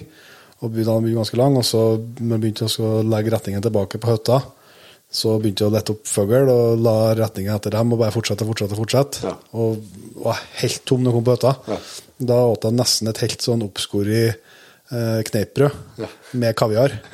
Og det syns jeg var helt fantastisk godt, ja. For det har vært sånn 14-15 timer uten mat, da. Så, men så må jeg trekke fram også den her Jeg har jo hatt historier, jeg har tatt Jegerpodden en gang før, men fra det året jeg og Karsten var ute, Ja, så hadde jeg jo historie der om når jeg knekte skien på Gausborg. stemmer. Og hadde Jeg vet ikke akkurat hvor langt det er, men 12-13-14 km kanskje tilbake til hytta. Ja. Med gjennomslag. Og da var det jo ja, Jeg vet ikke hvor mange timer det ble, da, men det ble fra tidlig om morgenen til godt at det var mørkt før jeg kom tilbake, og ikke noe annet enn eta snø på hele dagen. Og da hadde vi hatt eh, eh, finnbiff, som vi kaller det. da. Ja. Altså viltgryt på disse, eller skavakjøtt, og det hadde vi dagen før i. Så er Karsten varma opp da jeg kom hjem. Skavakjøtt og tjukk brunsaus, Yes. Eh, brunsaus. Yes. Og det var et eh, måltid som virkelig gjorde seg. Så det er jo noe med det når du er veldig soping. Ja. Så, så det er nok kanskje noen av høyde, høydepunktene. Men vi har jo blitt bortskjemt etter hvert da, med å ha fått opplevd maten til Joar i flere ganger, og ikke minst Svein Jæger. Ja. På Jegertoner i fjor, som var en sånn matopplevelse som er helt fantastisk. Ja, ja. Men det der, det, sulten er jo beste kokk. ja, ja, du verden. Det er ikke mye som skal til det, altså. Nei. Men uh, Kenneth Solien, da. Han lurer på om vi har noen anbefalinger for jaktklær til bikkjefolk. Hundfolk. Ja. sånn, vi bruker ganske mye tid på å finne jakler, i hvert fall. Det gjør vi. Uh, Så jeg kan jo si um, eh, om det er tips ennå, eller anbefalinger, det er for tidlig å si. Men uh, Ravner kommer jo med en uh, vannmestress, som kommer nå uh, før jakta. eh, som jeg har fått vært med og prøvd litt og testa litt, og tafsa litt på. Det har jeg veldig store forventninger til. da. Eh, så det er jo det. det og så har vi jo en god del klær fra Blazer Ja. som på en måte blir det som skal testes ut til høsten. da. Eh, men eh, Først, og, først og fremst til, eh, som hundfører, så uansett om det er i bånd eller om det er løshundjakt eller hva det skal være, så er det jo alfa og omega uansett at det er så nært lydløst som mulig. ja, eller er det? Altså, eller hvor, hvor mye av det tillegger vi viktighet? Ja, ja. Altså, for det, det er litt sånn uklart, da. Eh, for meg. Er, og så er det avhengig selvsagt av terreng. Ja, ja, ja, og hvor uh, Du berger sånn som oppe i terrengene som ligger, som ligger som vi har her oppe, så er det jo såpass åpent og ikke så mye plantefelt Mm. at uh, da kommer du fint inn på en los med, med skalklær på. Ja, ja. Men det gjør du ikke uh, andre, plasser ved jakta. Nei da, det er for all del. Men si at du uh, Si at uh, altså, Hvis du har skallklær, da, så har vi jo et tips f.eks. Fra Vidar i fjor, når vi har laga episode med han, der han tok på seg ullgenser utapå skalljakken Ja. når han skulle inn på los, f.eks. Så, så det, det er jo mye muligheter her, da. Ja, ja. Ehm, men uh, vi er jo litt sånn både heldige på det viset at vi får lov til å være med og teste og prøve mye ting. Så da blir, så må jeg jo si at for min del så har jo tilnærminga på dere før og etter Jegerborten blitt litt annerledes. Ja. Fordi at nå, eh, nå er det stadig liksom på nesten for hver tur ut og prøve noe nytt. Um, og så gjøre seg opp en mening om man syns det er, det er bra og rådig, eller hva som, kan bli, hva som er bra og hva som kan bli bedre. Uh, så, så jeg har jo ikke noe sånn tips liksom, til at den dressen er den du skal ha. Nei. I fjor så brukte jeg noen, noen varmesklær fra, fra Sved Team. Ja. Uh, vi gjorde det begge to. Kanskje det jeg har brukt mest, i hvert fall, da, i fjor høst. Og det funka jo veldig bra. Men det har hatt noen forbedringspotensialer da, yep. som gjør at en har lyst til å teste videre. Og uh, det er jo selvsagt et håp da om at på et eller annet tidspunkt så finner du noe som er helt perfekt. Men jeg tror ikke det skjer. Tror ikke vi, jeg tror, det, jeg tror ikke vi kommer dit noen gang at eh, du finner de mest ultimate jaklene. Nei. Nei, altså det, og så er, jo, så er det jo det der som er så forbaska, da, altså at du får ikke posesekk. Nei. Du, i hvert fall, eh, som, Jeg har ikke opplevd noen klær som er, er så lydløse som, som flis eller vadmel, og samtidig vanntett. Det har ikke jeg prøvd ennå. Så vidt meg bekjent, så finnes det ikke. Nei, og så er det litt uh, hvor, hva, hva er vanntett, da? Altså hva tåler Ja, ja, ja. Det er jo uh, Håkon Wang kommer med et spørsmål senere her òg, som går litt på det samme. Han nevner jo bl.a. Herkela Metzo, som òg er en vannmeldstress Ja. fra, ifra Herkula. Og det er litt samme der også. Du må jo forvente å bli bløt, men hvor mye sjøl tåler du å bli, og hvor mye tåler du selv å bli bløt? Ja. Eh, for at eh, det er utrolig hvor godt du heller ut fukt likevel. Altså, så lenge det er bløtt, bløtt på buskene, bløtt i gresset og litt sånt, så det gjør ikke meg noen ting. Nei. Men det kan gjøre hende at det, Noen andre ikke, noen andre ikke, det. ikke liker. Yes. Det er jo samme med Vi har brukt mye det her eh, bomullsklærne til Ravne. Ja. Det er jo samme at de, de tåler jo en god del. De tåler jo mer dem enn uh, mentalklærne. tåler jo mer regn dem i et helt vanlig bomullsklær. Ja. Men de er jo på ingen måte vanntett for dem. Så, så det er liksom Du må vite hva du, hva du Som du sier, hva du godtar, og hva du kjøper. da. Mm. Eh, og Mezzo har ikke, har ikke veldig brukt Metzo, eh, men jeg kjenner jo mange som har brukt Mezzo og vært veldig fornøyd med den. Ja. Så jeg har ikke noe mm, Det jeg syns har vært minuset med den når jeg har sett den i butikken, da. Nå har jeg ikke brukt den, men det, det er jo at det er sånne store felt med Skinn, ja. skinn på dem. Og skinn eh, ser jo veldig bra ut, men det har noen utfordringer skal jeg si, når, du, når det blir bløtt, Ja. for det blir det. Og skal du tørke igjen, så må du strø og smøre, og hvordan, beste da går ut dagen etterpå, og det har blitt tørka og hardt før det har bløtt igjen, så bråker mer enn skallklær. Ja. sånn. Så, så det er det minuset jeg har sett med den dressen i butikken. da. Eh, Men det trenger ikke å være et minus som er heller Det må no, noen som har brukt det, si om det, om det er bare en fordom jeg har, eller om det faktisk har noe for seg. Ja. Nei, Men det- minuset, med om det er mezzo, eller om det er Sveddim eller sikkert om det er Ravnø eller sånn, med, med eller bomullsklær eller uh, alt som ikke er kunststoff, det er jo at slitestyrken er ikke den samme Nei. på det.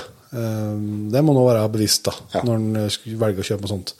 At vannmelsklær det slites eh, fortere. I hvert fall det her nymotens vannmelsklærne, Ja, ja. for, det, for det er forskjellen på det og det gamle vannmelsklærne, det er jo at de er mye tynnere. Ja. Ergo mindre å slite på. Men samtidig mye lettere å ha på seg, og Mm. når det blir bløtt. Mm. Så det er jo Får ikke helt i pose og sekk, altså. Nei, det gjør ikke det. Heldigvis, kanskje. For dem som lever det, noen som lever og selger selge klærne. Sjø. Eh, Skal vi gå videre til en Bjørn Idar Stuenes? Ja. Han eh, har et spørsmål om valg av kaliber på elgbørsa. Mm. For en del år siden så var det mange eh, flere elgere som hadde kaliber 6,5, eh, sikkert av 550, enn det er i dag. Hva skyldes det, tror vi? Og eventuelt svar på spørsmålet må gjerne ta utgangspunkt i et avlevert dødelig, dødelig skudd mot elgen. Eh, Det, er- det jeg kan for så vidt dele den eh, opplevelsen at det var enda flere som hadde 6,5 før enn det er nå. Jeg vet ikke om det er sånn, for jeg har ikke noe statistikk til å, til å slå i bordet med å si at det er sånn. Men det er for jeg deler den, den eh, opplevelsen. Det som jeg tror er litt av årsaken, det er jo eh, altså Før så var det jo veldig mange som jakta med, med det de hadde av våpen. Og da var det jo gjerne 6-0. Mye kragere. Og så tror jeg nå kanskje at uh, lyddemperne og kapping av løp har en del til å svare. Med, med at uh, f.eks. 308, som er blitt mer populært, uh, tåler tåler det bedre. Ja.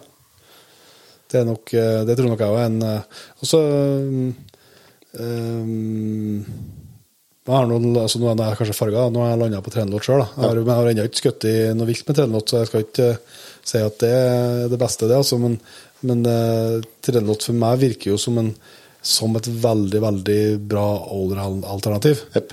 Eh, Det fins utvilsomt kaliber som er råere både på det ene og det andre. Men det er som når du, eh, hvis du ser for seg at en skal prøve å sette opp en sånn eh, skala med, der eh, du har med både pris og effekt og som du kan si, evnen til å kunne kappe. Og, så det, det er jo grunnen til at jeg gikk fra 306 til 308. 306 har jo òg noen, eh, noen eh, muligheter som ikke 308 har. Du får større fart på den kula. Ergo får du mer energi ut i den kula. Men eh, for å få det, så må du ha et lengre løp, Ja. som jeg ikke utgangspunktet ønsker. Og så må du tåle mer rekyl, som jeg ikke utgangspunktet ønsker. Men eh, samtidig, på ei 30-kul i 308 så får du litt mer punch enn du får i 65-kul. Det er noe, bare noe fysikk som legger det til grunn. Og den, den lille forskjellen der mener jeg at eh, er bra å kunne ha i, i enkelte settinger, spesielt på, på elg. da. Ja. Men så- ja, og så, jakter du mest eh, rådyr og, rådyr og eh, hjort, så holder vi massevis med, med 6-0. Ja. Men, det, så, men hva som er grunnen til det, jeg tror nok du er inne på noe mer med kapping. Og så tror jeg kanskje at, eh, så tror jeg at man blir litt farga av bransjen.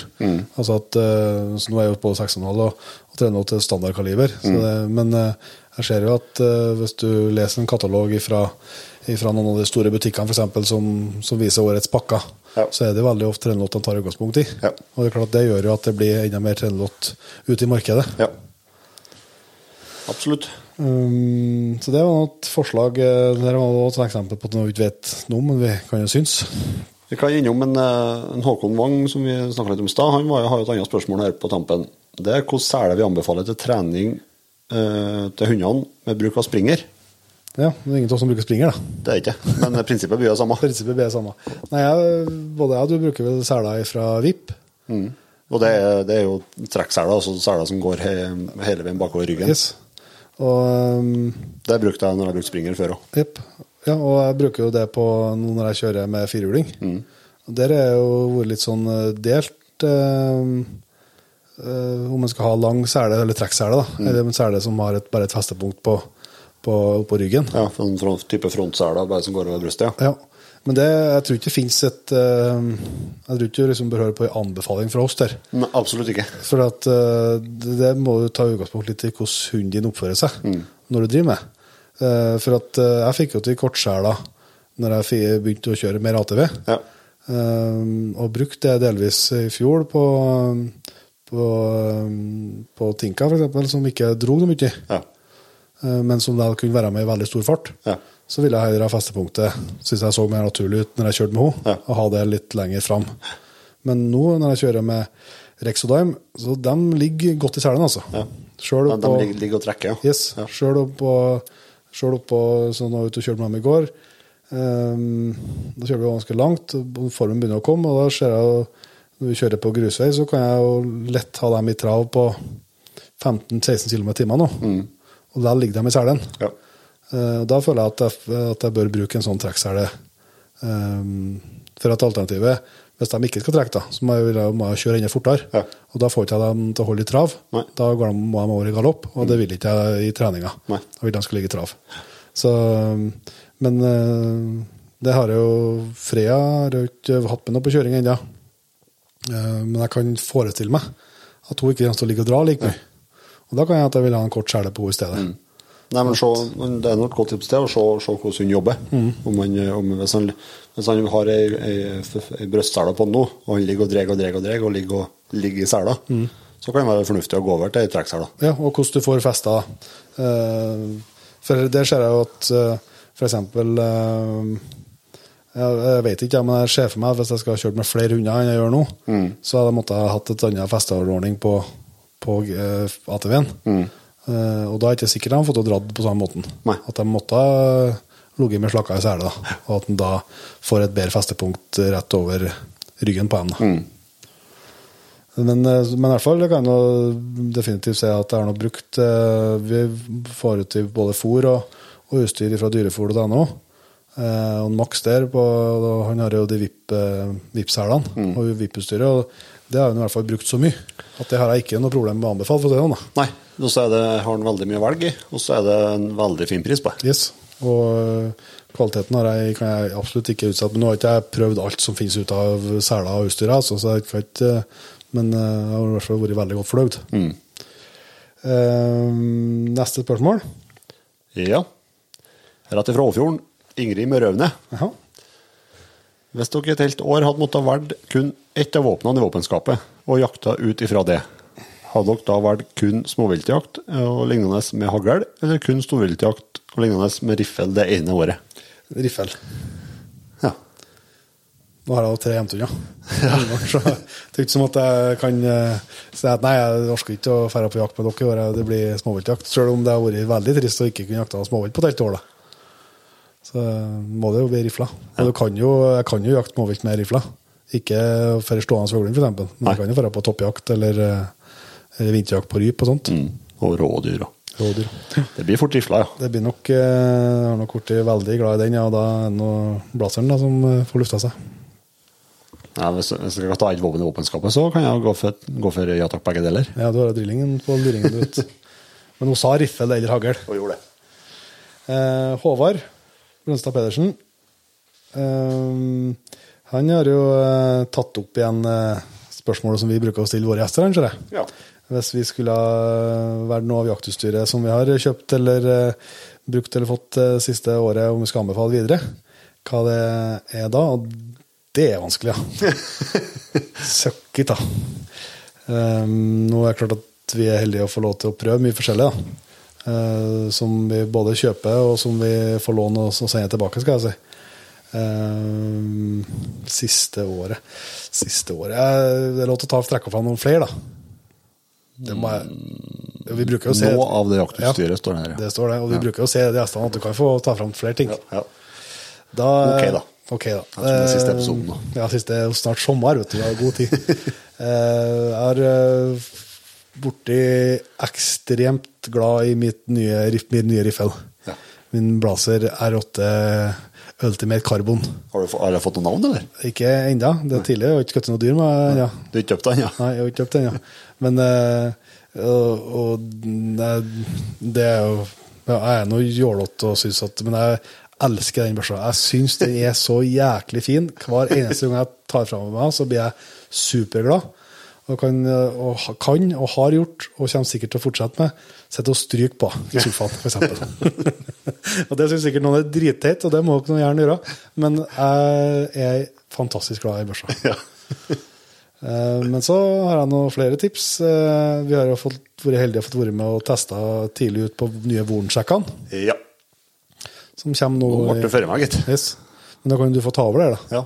Nei, eh, jeg gleder meg til at eh, de vornsjekkene eh, At det kommer flere av dem hit til land, så vi kan eh, begynne å, å selge dem og vise dem fram til enda mer folk. For, eh, for det er jaggu et løft som jeg tror mange kommer til å få kjenne på.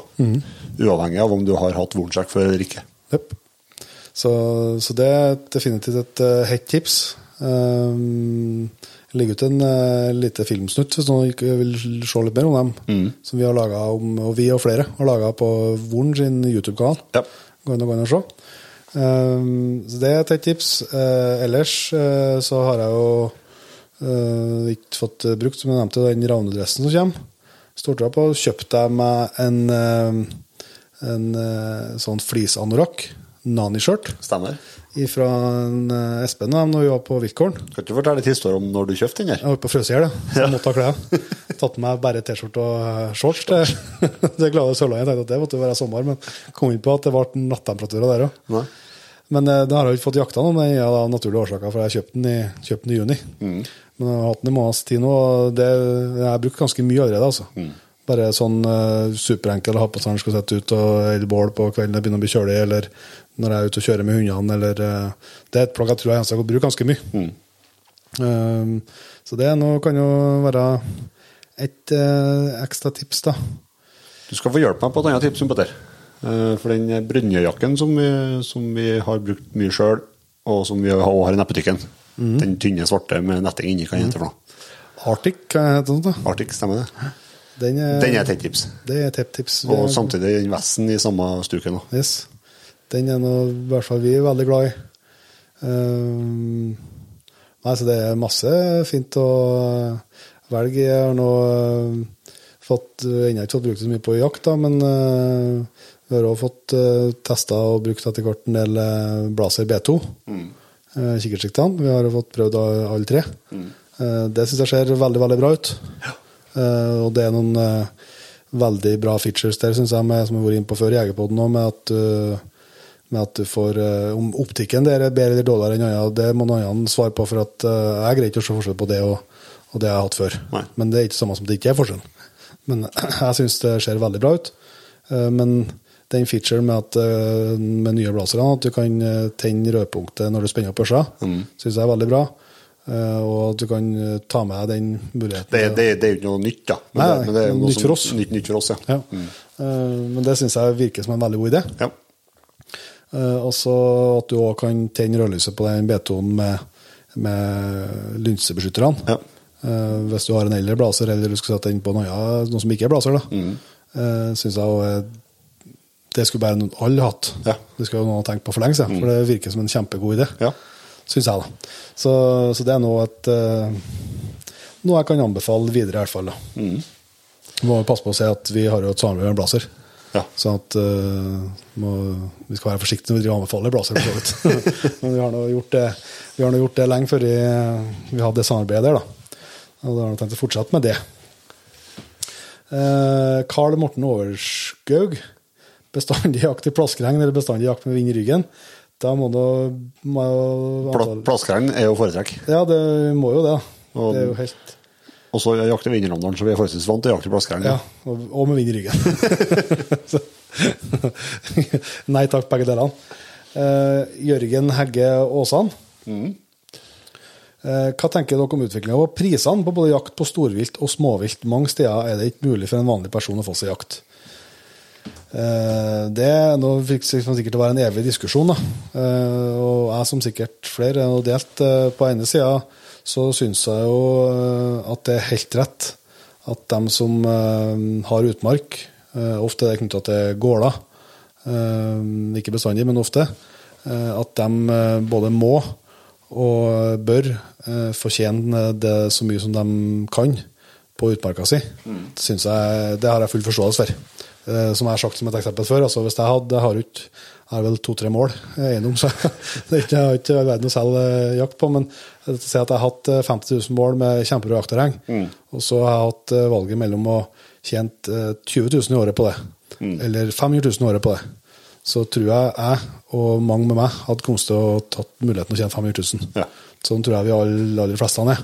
Men samtidig gir det selvsagt noen utfordringer. Eh, og det er jo ikke eh, bra når ikke folk får slippe til på jakt. Det syns jo ikke jeg heller. Derfor så er jeg veldig opptatt av, og syns det er ekstremt viktig, at eh, staten kommer banen. Mm. F.eks. nå når det sies at Merråker bruk skal selges. Mm. Eh, at staten da kommer på banen og får tak i det. De skulle ha vært på banen og fått tak i og hverdagsbruket. Sier ikke at det er en dårlig eier på hverdagsbruket i dag, for det er det sikkert ikke. Eh, Men, men at så mye areal som mulig i mitt hode som er omsettes, at det, at det kommer på statlige hender.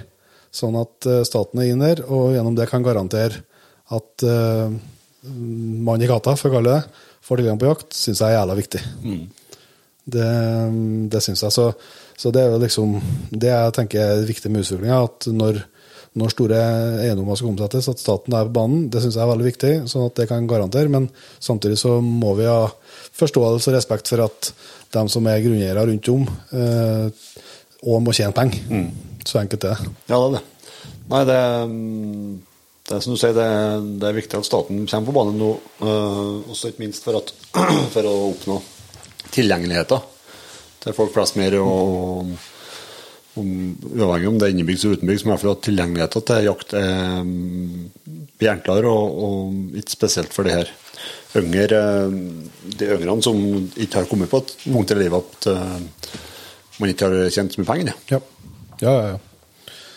Um, og så må jeg jo og så her, her sier jeg at jeg er fullt av kjepphester.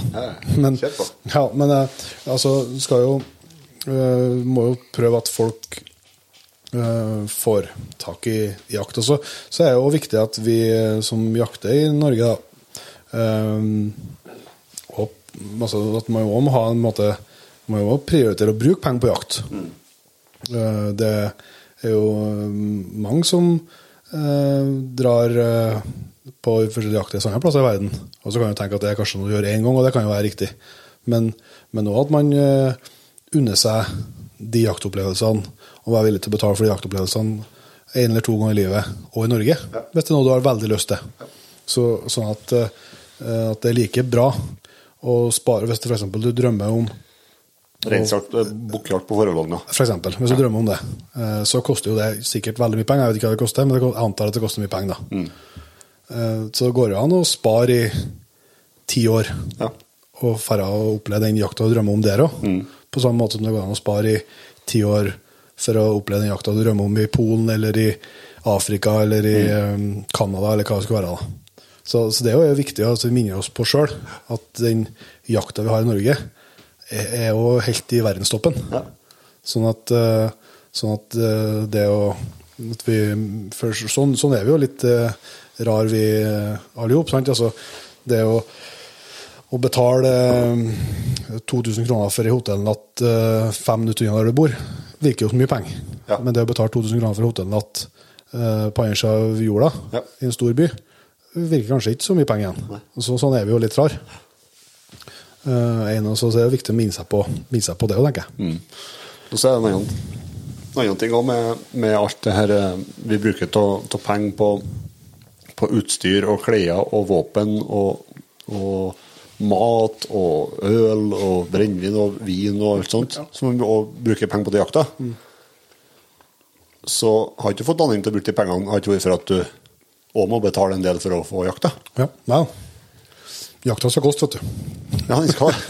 Ja, men det er litt sånn Man kjøper seg dyrt utstyr og dyrt, dyre våpen og, og hva ikke det er for noe. Men uh, man må faktisk være villig til å betale, betale en del for å, for å få jakta òg. Ja. Og så er det jo viktig uh, så at, Ja, en del plasser så er jakta kjempedyr. Og en del plasser der vi opplevd det, både bydd på jakt som vi ikke har eh, nådd opp til at uh, vi hadde ikke råd til rett og slett. Eh, og det er jo som sagt det er grunneier som får muligheten å tjene mer penger. Det må man ha forståelse for. Og så er det jo også sånn at um, både om det er skogsfugljakt, eller om det er rypejakt, eller om det er elgjakt eh, Jeg skal ikke reinsjakt, skal jeg ikke uttale meg for det kan jeg for lite om. Men òg hjortejakt og, og rådyrjakt. Det finnes veldig mange plasser hvis en er villig til å reise litt. grann. Så, så er det jo mulig å komme til Namdalen i høst òg og jakte elg for 120 kroner dagen. Det er mulig. Det skjer. Det blir lagt ut dagskort. Det er mulig å jakte eh, ryp og skogsfugl på veldig bra terreng. Eh, hvis jeg tenker jeg vet om, for en hundrelapp dagen. Ja. Det er mulig. Eh, det er mulig å finne seg rådyrjakt eh, det er plasser til 150 kroner dagen. Og så må du kanskje betale en 500-lapp eller en 1000-lapp hvis du skjøt rådyret. Ja. Det, det fins. Så hvis man er ute og leter og snakker med folk og følger med på Finn og følger med på Inatur og her, Ja, og faktisk strekke seg til at man kan ut og reise litt. Ja, at du- og, kjøre en Yes. bit for, for å få oppleve.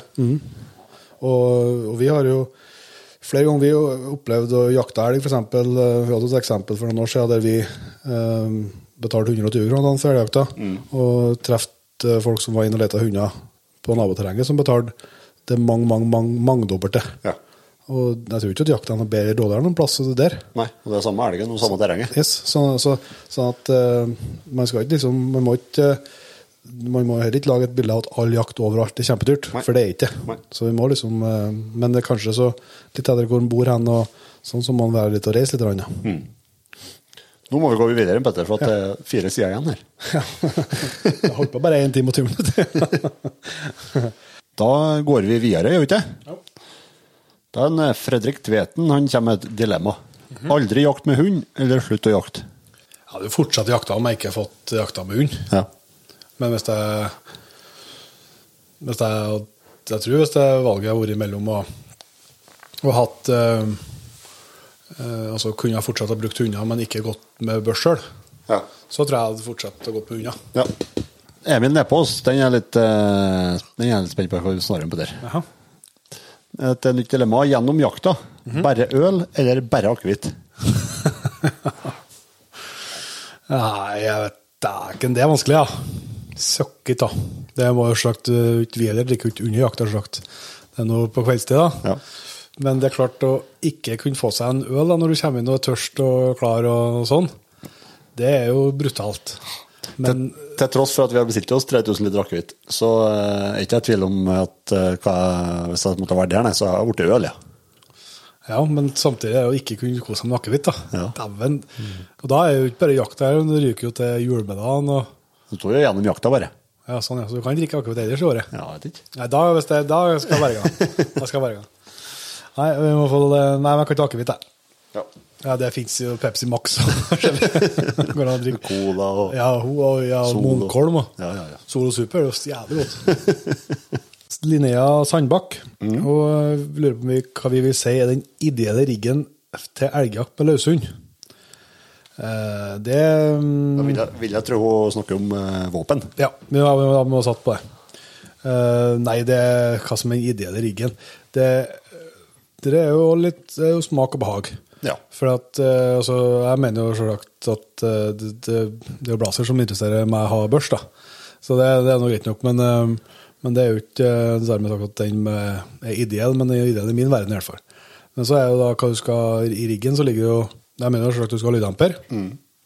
Om du da skal ha en liten, lett lyddemper for å ha så lett børs som mulig, om du vil ha en stor lyddemper som lemper så godt som mulig, det er nå en smakssak. Ja. Jeg går jo for en ganske skikkelig demper Ja. Der. Og så er jo hvordan kikkert du skal ha, da. Ehm, Der er jo litt flere skoler. Alt fra noen som liker å bare ha et rødpunkt, ehm, til dem som vil ha litt skikkelig med forstørring. Til dem som ønsker å ha en litt sånn allround-kikkert i nedre sjikt på kommer til forstørring, da. Nå skal du beskrive din ideelle rigg. Ja. Hvordan du vil sette opp den. Ja, men eh, jeg, sa, det har- har jo nå brukt sparepengene mine sagt, på, på, på å bygge den riggen som jeg syns er helt ideell. Og det er jo en Blazer R8 Ultimate Carbon med en Blazer B2 1-6 og en eh, Atec Optima 45 med endcap break på, på lyddemperen. Eh, det det, det syns jeg er ideelle I, i trenerlåt. et Mm. Men, eh, men det er jo liksom det som er så viktig for meg å få fram, altså at det er jo ikke eh, Hva jeg mener ideelt, er jo ikke så relevant. Det er jo hva hver enkelt syns er relevant, nei, ideelt for seg sjøl, som er så viktig at den For at det er jo det jeg mener med sikte. Vi har også snakka om at egentlig så mye, altså Du får jo bære på børsene 99% av tida. Så egentlig så har man uh, berga fint med ei enkeltskudds knekkeriffel òg. Mm. Med ett skudd som veier langt under det ei, uh, ei det veier. Ja. Det og så sammen, og samme med sikte. Altså, veldig mange situasjoner så klarer de med et lite, lett rødpunktsikte. Ja. Eh, og det vil jo si at hvis et sånt rødpunktsikte veier 80 gram, Ja. eh, og så veier en kikkert et halvt kilo, så er jo det jo ganske mange kilo i løpet av. Også. ja, Eh, men så er det jo noen ganger at du vil få en situasjon der det ikke er optimalt med det rødpunktsiktet. Og det er jo samme på Nå har vi 1 til 6 Ja. på B2-en. Eh, og det er jo, er jo et annet alternativ har gått fra 2 til 12. Ja. Um, jeg syns det er veldig behagelig å kunne skru ned til den eneren. ja. Uh, samtidig så vet jeg at i noen situasjoner så skal jeg gjerne være over 6. Opp på 8, 10, 12, kanskje over 15 noen ganger. sant? Ja. Hvis du skal zone deg gjennom noe Hvis det er en del Quest, så vil du liksom prøve å zone deg gjennom og se er det åpent eller ikke åpent. Um, ja, så det, det er jo igjen smak og behag, men, men altså, nå har jo jeg bygd akkurat den riggen jeg vil ha. Så mm. får vi nå se om det er så ideell, for jeg har ikke vært på løsjakt den riggen der. Kan snakkes til jul. Det er ikke sikkert jeg tør å ta med stakkars Porsche ut. der, vet. Nei, men jeg tror altså du, Stort sett på, på den jaffelen men der så blir det jo ikke noe lange hold. Og, og heller ikke noe og, heller, noe- det, og det går jo både på kikkert, på kikkert og på kaliber. Og sånt også. Og ei, ei kort og hendig riffel med lyddemper, og gjerne i et kaliber med, med litt tung kul. Og Det er jo sånn sagt for løshundjakt, så er jo ikke det valget jeg er oppe på Trenelott. Nei. Er jo ikke, det vet jeg, det er jo ikke et optimalt valg for, for løshundjakt. Hvis du tenker det i hvert fall eh, som med litt skog og, og tett og som du sier, korte hold, så er det jo klart at eh, kanskje en 9-3 eller noe 57 eller noe som har litt mindre hastighet, men eh, med tyngre kul, som tåler litt mer kvest, det er mer optimalt. Men grunnen til det er jo for Trenelott eh, Det vet jeg jo når jeg gjør det valget å kjøpe Trenelott. Ja, ja. Grunnen, min del, så grunnen for min del, det går jo da på at jeg skal bruke den på flere ting, og det kan jo ha flere løp, det er jo et alternativ, men det er jo ikke et alternativ nå.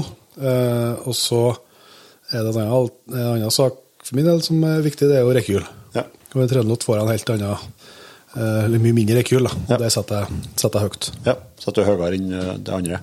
Ja, og da kan det jo være at det er jo sånn på lik linje med Det er jo valg du, du får ikke heller i 6, altså det er jo valg du gjør. Sånn at hvis du Vi var inne på med sikte, sant. Hvis, du, hvis jeg har gått bare med, med rødpunkt, eh, som har seriøst vurdert, Mm. eh, og kanskje vurderer ennå, så, så vil jeg mest noen situasjoner, og så vil jeg få noen situasjoner. eh, Og så vil jeg vite at jeg har én faktor som blir lik, og det er at det vil alltid være lettere å bære. Sant? Ja, ja. Samme vil det være på kaliber. tenker jeg, for at hvis jeg har vært, hvis jeg skulle stått mellom, mellom eh, trenlott og 9-3, så vil jeg med trenlotten kunne ta noen skudd som jeg ikke kunne tatt med 9-3, og, og motsatt. Også, men så er det en faktor i metta der som er at jeg vet at jeg bestandig har min rekyl. Ja. ok, da velger jeg på den Ja, ja. faktoren. Så, så, men så vet jeg at noen elger vil jeg sikkert mest fordi at jeg kunne ha sluppet i nitrekul, men ikke i, i trøndelotkul. Ja. Uh, Og det kan vet jeg kan skje hvis jeg er oppe med Ja. Så er det noen kan vel helt sikkert løpe løpet av Ikke sikkert det skjer i høst eller neste høst eller med løpet av fem år. så vil nok den situasjonen dukke opp. da. Ja, ja. Så det er jo, du må jo vurdere selv hva som er viktigst for sin egen del. Yep. Hva er den beste dottsupen etter elgfall? Og her presiseres det at når du da er ferdig med jakta, Ja. noen ikke må kjøre hjem etterpå. Så klart. Nei, det er jo akevitt. Den beste Så langt har det vært Jeger Hansens villmarksakevitt. Ja. Den beste fra 6.9.2022. Den heter Fangstrapporten. Ja. Og den er Jegerpoden sin logo på i lag med Magnus Hestegrei. Ja. Så eh, Det er det beste dottsupen til, til høsten. Ja, altså gjennom tidene. Nei, jeg er jeg er nå blitt akevittmann, ja. Før drakk jeg alt mulig rart. Dæken ta fra ei iskald lommerk, så er det jaggu godt med en jegermeister. Ja. Ja, ja, jo. Men jeg tåler ikke Jegermeister. En dotter klarer det? Ja, det er jaggu bare så vidt. Ja, det er flybensin. Uh, André Woie. Uh, jakt elg med alltid fall i stålos, eller ikke få noe storokse mer i livet.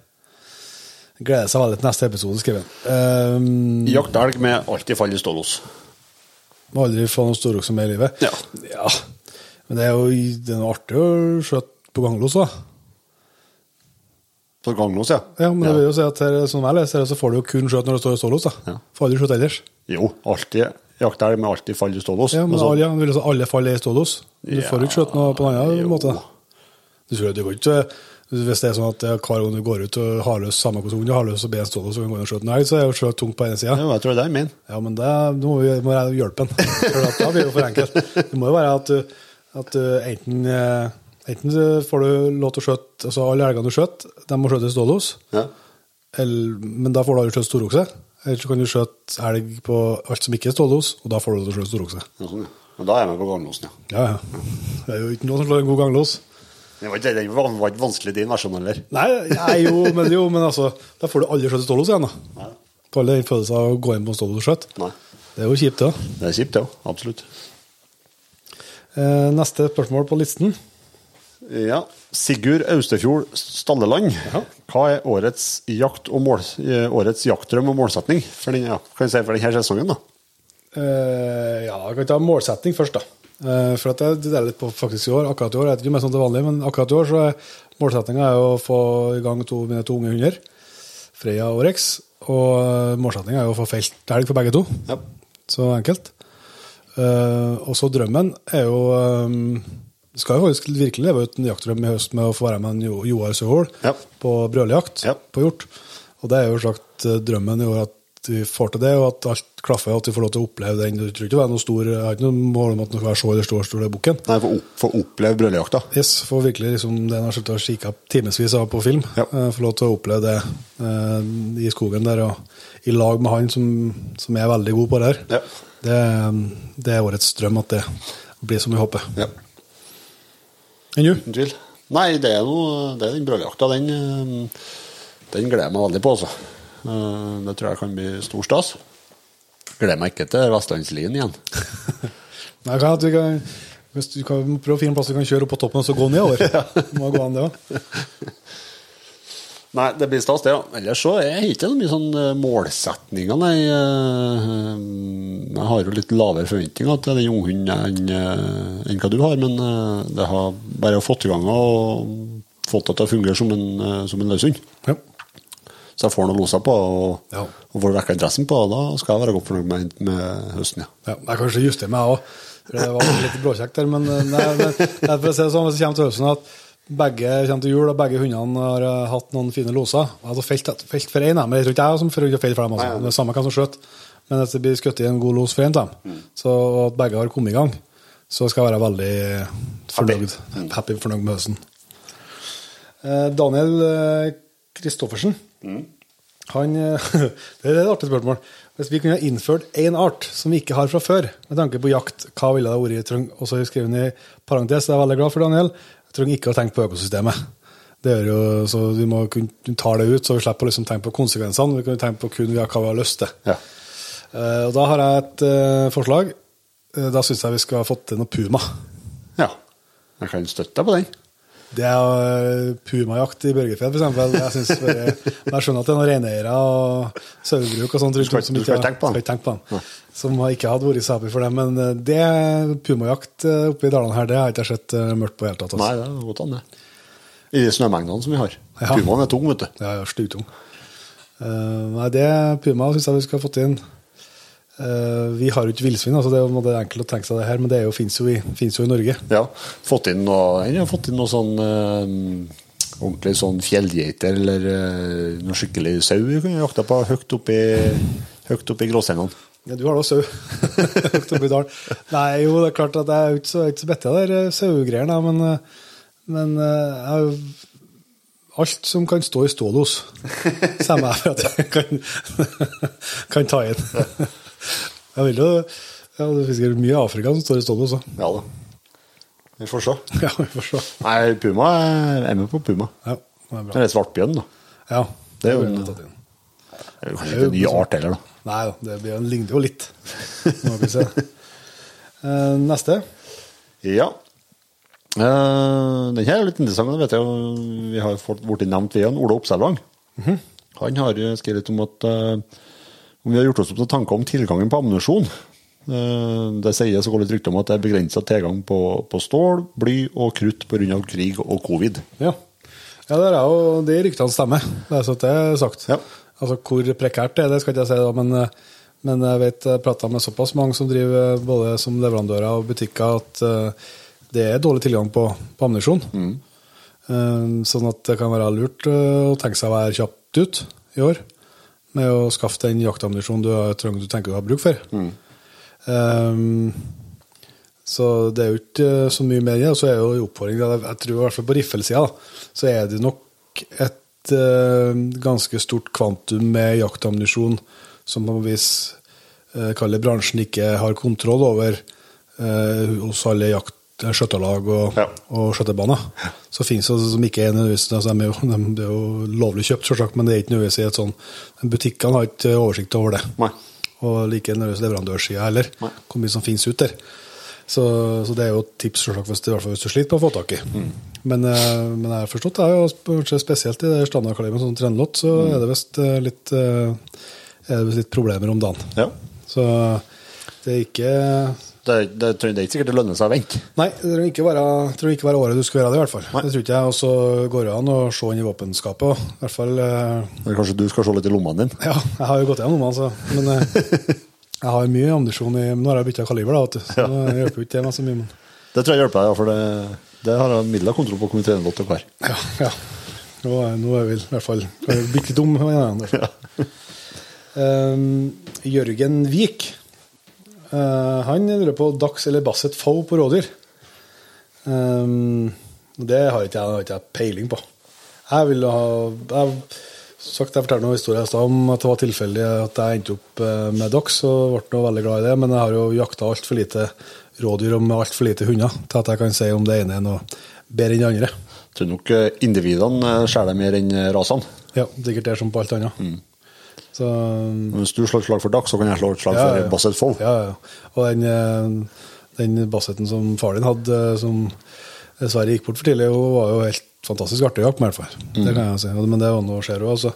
Men det er jo det, er jo det grunnlaget jeg har å vurdere på, og det er ikke all verden å slå i bordet med, gitt. Hver sin tykke. Ja, ja, men eh, de var nå rå på hver sin måte. Ja, ja, ja. Du verden.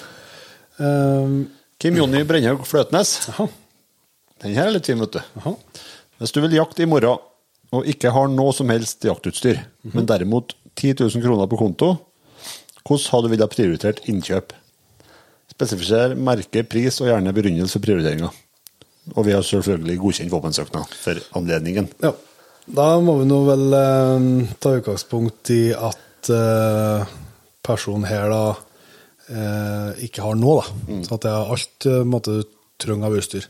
Og Da er nå, tror jeg nok de aller, aller fleste um, har jo klær og sko som er gode nok Ja. til å begynne på. Altså, Du kommer langt med støvler. Yes, du kommer superlangt med støvler. Det har stor sjanse for at du har det før. Ja. Så jeg hadde, hvis ikke med et budsjett på 10 000, så har ikke prioritert det først, i hvert fall. Nei. Så da vil jeg jo si at uh, du trenger Jeg tipper at etter når jeg nevner våpensøknad her, så tipper jeg at det er rett, litt retta mot en, eh, kanskje en riffelrigg til 10 000 kroner. Ja. Ja eller altså, så, men eh, så, så, så må du ha en sekk og noen kniv, og alt sånt, det er jo sånn som stort sett finnes i norske hjem. Ja. Som er godt nok til å begynne med. Ja. Eh, Så da står jeg med så jeg tar rifla, men jeg har for lite kontroll på priser, liksom, så at jeg kan komme med et, eh, noe konkret på, på merket og så hva du, hvilken pakke kan du kjøpe som du får til 10 000. Jeg har i hvert fall gått inn på Finn først og sett om jeg fant noe brukt. Helt riktig. Det hadde jeg kanskje gjort òg. Fin, eh, fin pakke der, men noe, kanskje noe en helt kurant Remington 700 eller noe der omkring. Mm. Ja, Tikka eller Browning eller Ja. eh, det, Med, med, med helt grei optikk på. yes. Jeg har definitivt uh, handla brukt, ja. Ja, det er Enten om jeg skal ha tegle eller jeg skal ha triffel. Ja, Finn er Og ikke minst jaktutstyr òg. Ja, ja, er en smette du får til mye brødjaktutstyr på Finn. Yes. Ja, ja, ja. Som at noen at det er blitt for lite, eller at det ikke har blitt brukt, eller Mm. Så, så det er brukt, det, er, Men det er så men det er Vi har liksom- ikke et samarbeid med Finn. Nei. men, nei, også, eh, vi deler leven delvis av oss selv, det utstyret, så du må kjøpe.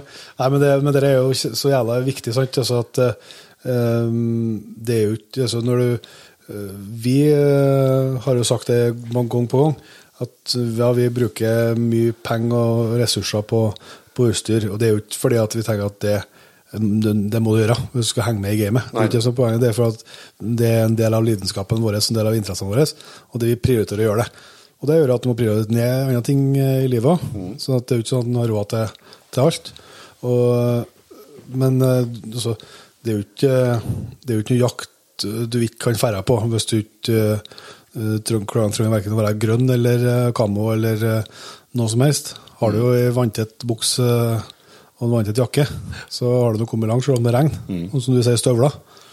Så det er jo ikke Jeg hadde i hvert fall ikke ville Jeg hadde i hvert fall brukt pengene mine på det som, som jeg må. Ja. eh, som jeg måtte ha hatt. da. Og det er f.eks. sånne ting som altså en GPS, radio og alt sånt. Det er mye som kan dra på seg, men, men prøv å få låne det. ja. Så at du i hvert fall får være med og prøve noen runder før den begynner å investere masse penger. Veldig bra. Benjamin Håkonsen, Ja. skumleste jaktopplevelsen deres? Uh, men jeg nesten tenker at jeg har hatt noen skumle jaktopplevelser. Uh, jeg trodde jo at den der uh, tidtakeren som jeg skjøt fra Eiko, den trodde jeg skulle komme og ta meg. Ja. Men jeg jaga bare hund. Men han kom i to sånn sinnssyke utfall. Ja. eh, og bråbremsa med alle fire fotene på 10-15 meter. Han så ikke meg, da. Men eh, jeg så han, for å si det sånn. og det, det er vel liksom, tipper jeg det så Jeg kan ikke si at jeg var redd da heller, men, eh, men det er nok det nærmeste jeg har vært i frykt, eller har den høyeste pulsen jeg har hatt i en sånn setting, tror jeg. Jeg har blitt sprunget over nær den gangen, ved fjordokse, men det var jo før jakta. Jeg var på trening. Ja. Men han skulle ikke ta meg, han skulle bare jage hund, og så sto jeg i veien. ja. Må ikke stå. Nei. det gikk det bra, det. Nei, jeg har eh, Jeg husker nesten ikke når det var. gang, Det kunne være i 2014, kanskje. Da, jeg, da var jeg ordentlig redd, ja. Da, da har jeg, ikke, jeg har ikke fortalt så mye om det på båten heller, men jeg, jeg måtte jo avlive en bjørn en gang i, i Sverige. På, um, Sjøforsvar. I Sjøforsvar, nødverge. Og da var jeg redd, ja. Ikke der og da, men eh, Etterpå. Så fikk jeg ordentlig, altså. Um, det var jo Rotasport rota oss bort i bind med unge, som, som vi eh, må prøve å få, få hundene vekk ifra. Ja. Og det endte jo med at eh, vi ble litt nedgående, og, og binda kom og Jeg så henne på en 60-70 meter. Eh, problemet var at da så hun meg òg. Og så var jeg nok forholdsvis forbanna Fra før. fra før. Rundt de hundene, og de ungene, det var jo årsunger. Så hun kom og skulle ta meg. Uh, og jeg slapp henne veldig nært, syns jeg. Uh, så jeg, jeg, jeg sto og venta på at hun skulle, Gi seg. skulle gi seg, og, og at det var et skinnangrep. Men jeg hadde en Leopold på kikkerten på den tida som sto på 1,5. Og når det begynte å bli veldig mye bjørn i den, den kikkerten, da var jeg veldig nært. Ja. Eh, Så da kjente jeg at det var ikke, har visste ikke noe tegn på at hun skulle slakke av heller. Så da mm, tømte jeg mag- magasinet på henne. Og traff heldigvis godt. For det, når jeg var ferdig med å skjøte, så lå hun ja, fire-fem meter ifra meg. Ja. Eh, Så da funka heldigvis skjøtinga og ladinga og alt jobb eh, som det skulle. Eh, Men dæven, jeg var fart shaky etterpå, ja. Når du begynner å skjønne, skjønne hvor eh, nært det egentlig var, ja. Ja.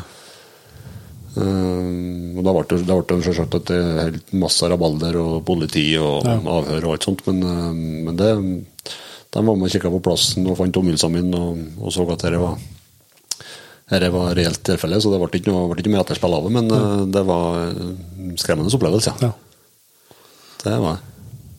Ja, det, det, den er- Jeg skjønner jo at den stikker fram. Jeg har vært inne på men Jeg har ikke vært så mye på sånt som deg, men jeg har vært inne på Bjørnlos. Og da føler jeg heller ikke at jeg var redd, men, men sannsynligvis så jeg skjønner jo at det var noen av de gangene jeg har hatt mest adrenalin. Ja. For det var, kommer jo, jeg har kanskje sagt det før for lenge siden i podkasten, men du har fått så fikk sånn følelse av liksom at du hører alt og nesten lukter alt. Ja, ja. Altså, du, du føler deg liksom sånn Og det er jo adrenalinet så mye som, som skaper det der. Ja, ja. Så selv om, du selv om du ikke du føler det som frykt, så er jo kroppen i full beredskap. da. Ja, ja. ja, du er på tå hev. Virkelig. Ja. Så det, det er synd eh, for at det ikke det, det er jo prioritering, det òg, men eh, at det ikke er blitt like mye prioritert lenger da, som det Ja. var før i tida. Men, det er, eh, men altså, det er jo også, det, er jo ikke, det har ikke noe med å være at det er skremmende, på noe det er jo ikke skummelt i det hele tatt, men, men samtidig så den første rådyrbukken jeg skjøt på lokk, Ja. da trodde jeg jo ikke at jeg skulle klare å skjøte. For, jeg ble, for den så vi jo på 500-600 meter, og så begynte vi å lokke, og så kom den rett inn, liksom. Ja, men det var jo ikke noe skummelt. Nei, det er ikke skummelt, men det var liksom, hele kroppen Ja, var jo helt i Nervepirrende. Ja, ja, ja. Så det, det er jo kanskje den sterkeste sånn skikkelig reaksjonen jeg har hatt. Mm. Ja. Og det var, Det var jo samme til meg òg, den, den samme dagen. det. Ja. Vi skjøt uh, Gårdsen rådyrbukk der. Jeg har jo aldri rista så mye fotene som jeg gjorde da. Helt ferdig. Og da, jeg bare tenkte jo, for jeg skjøt jo at det går ikke, det går ikke, det går ikke, pang! Så, så det trenger ikke å være skummelt for deg. Men eh, Gjelde, Ja. eh, han lurer på hvor mange jaktdager som er målet for kommende sesong. Har ikke peiling, jeg. Nei, det er jo ikke sånn jeg har aldri telt. Nei, det har ikke heller, men uh, la oss uh, gjøre et forsøk. Hvis du da tenker uh, Da tenker jeg kommende sesong da, fram til jul, da, så er jeg tenker sånn, da. Altså, da har vi noe september, eller noe i august, da, men så tenker jeg september, oktober, november desember. Det er da si 30 dager hver, så er det 120 dager. Så er det noe julegreier og litt sånn småtteri. Så det er til å si at det er 100, og, 100 dager hver, da, som er jaktbar da, på det vi driver med. Nei, så bør det i hvert fall ha 80 av dem, da. 70-80 av dem bør nå være ute, Ja. håper jeg. Kommer han seg tenker han fram til, før han kommer fram til 1. april, så håper jeg noen skal være godt over 100. Ja, og så sier er det det, så ene er jo hva som er målet, og så andre er hva som er mulig. Nå er vi veldig heldige med at vi har den jobben vi har, som gjør at vi kan prioritere jakt eh, mange dager. Eh, men samtidig så er, jo, er vi jo sånn at vi har jo et utgangspunkt hva vi kan, hva vi kan jakte. Altså, vi har noen kvoter å følge oss til og sånt. Og så er det jo ikke minst vær og føre. Vi bor jo på en plass der vi kan være superheldige og ha fantastiske forhold jakt nesten hver dag fram til jul. Ja. Og så kan det være drit fra midten av oktober. Ja. Ja. Og da Og det er ikke bevissthet. jaktbart noe mer. Nei. Så, så at um, det, har, Det er, mye, det er mye ikke vi bestemmer sjøl. Ja, det er mye som spiller inn. Um, Petter Elvestrand, hva jakter dere for jakta sin del, eller for kjøttet? Jeg jakter for jakta sin del. Ja. Vi trenger ikke å lure oss Vi trenger ikke å prøve å lure oss sjøl med noe annet. Nei, syns det er helt topp å ete kjøtt og ta vare på, ja, men uh, om jeg ikke har fått tilgang til kjøttet, så har jeg fortsatt jakta. Ja. Neste. Neste, er Andreas Helskog. Beste hundearbeid til en av deres, av deres hunder? Ja, det er jo ikke enkelt, da. Nei, det er ikke det, også. Men øh, eh, kan jo ta Dina Fuglehund jeg hadde først. Jeg hadde eh, Jeg kommer så aldri til å Første gangen hun, hun rapporterte, eller første, første gang jeg skjønte hun rapporterte, og det endte opp med at jeg skjøt en tiur. Det var ikke noe stor tiur, det, altså. Men det var årsaker, det. Men eh, det var jo helt magisk. Ja. Um, rapport da, for dere som fleste vet det kanskje men det er noe altså at hun kommer her og henter deg, står i stand, og så går ut av stand for å oppsøke deg og så ta med deg. Um, da, da var jeg på tur innpå, for da hadde jeg standvarsler. Jeg kjente på meg GPS. Men i hvert fall standvarsler, så jeg hørte det var stand, og så var jeg på tur oppover, og så ble det stilt. Så kom han ned til meg, og hoppa oppå meg, og så sprang tilbake, og så ble det stand igjen. Samme plassen. Da skjønte jeg at nå har jeg faktisk rapportert. Jeg kom meg framom og fikk uh, skutt den tiuren. Det var jo selvsagt eh, helt magisk. Så tror jeg jeg tar elghunder, så er det vel Eiko som har Det, har jeg fortalt om den historien før, men, men eh, det, ble, det var jo ikke noe skjøting, og aldri aktuelt å skjøte heller, eh, Men noe som jeg synes var liksom det råeste jeg så, og det er jo utypisk, det er jo kanskje ikke han skar, du får kanskje trekk for det på jaktprøva, men, men han hadde jo den eh, en los på en storokse vi ikke har okse på kvota, som eh, jeg syns var helt utrolig. Ja.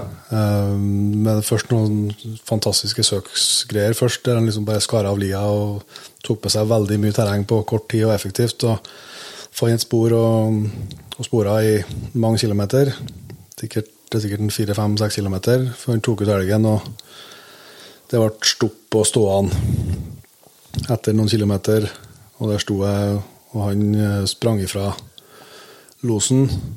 Og jeg sa ifra på radioen, for jeg var langt på et eller annet plass, jeg sa ifra på radioen at en som satt på veien, måtte bare kjøre bort til den gården han kom til å springe på. Når du ser hund, så sier jeg bare fortsett. Så gjorde han det, og Veiko kom ut på gårdsplassen der, og han fikk beskjed om bare fortsette, sprang han tilbake opp og fortsatte losen. Og da var jeg nesten 1,5 km luftlinje Ja.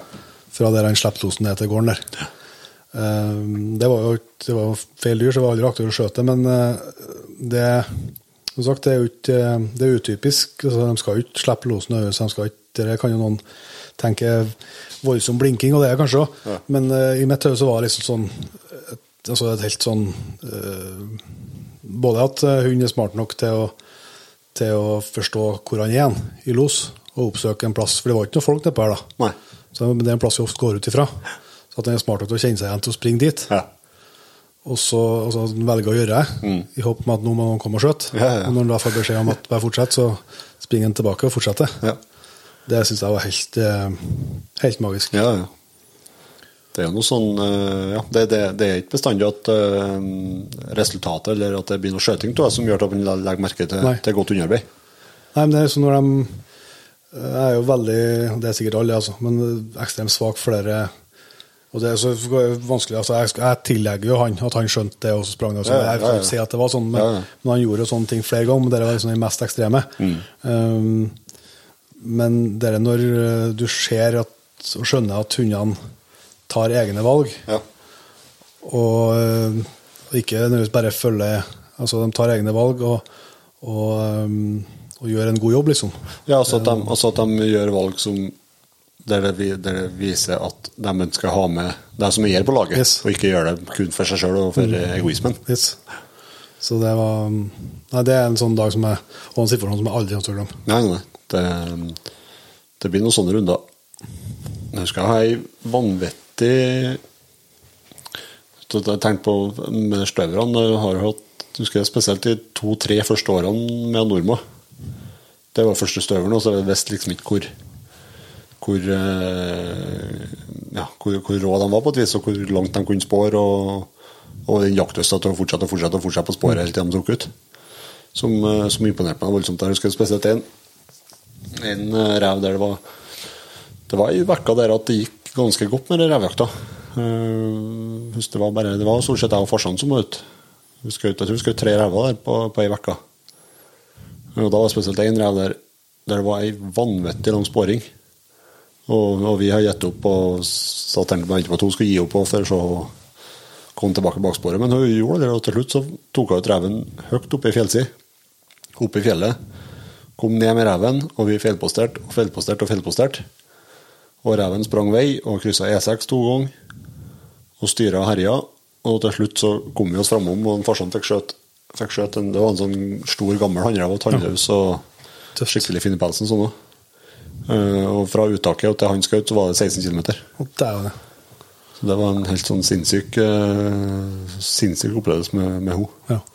Det var litt sånn Det var da først jeg begynte å skjønne hvor, hvor god egentlig støverne er til å, til å, ta, til å ta litt kalde spor. Og, Finne igjen på sporet. ja, og, ja, og ikke gi seg heller, liksom. For at de virkelig er, er drittsliten. Nei, men Det er artig at det går bra til oss noen ganger. Men nå er ferdig nå. Ferdig med å fortelle om det. med det. Um, neste er uh, Ola Morstad. Ja. Unghundens første jaktsesong, 12-18 måneder. Jaktlaget har kanskje ikke for mange hunder å spille på, og postjegerne eh, ønsker også å få benytte sine sjanser. Begrensa med elg, og man får benytte de sjansene man får, er gjengs oppfatning. Hvilke avtaler gjør man, og hvordan legger man det fram? Løshundjakt er da et var utgangspunktet. Det er nok en problemstilling som mye løshundjegere og hundførere rundt om i landet kjenner seg igjen i. da. ja, det er det. Og så er det òg veldig lurt å prate om det før man begynner å jakte. Yes. Og bli enige om, om visse ting på forhånd før man i hele tatt uh, kommer til første jaktmorgen. Yep. Det tror jeg også gjør det i god tid. Og så så er det også hvordan, hvordan avtaler man gjør. Altså, det er jo nesten sånn håpløst, for at uh, alle som er på elgjakt, har jo i større eller mindre grad ønske om å felle elg.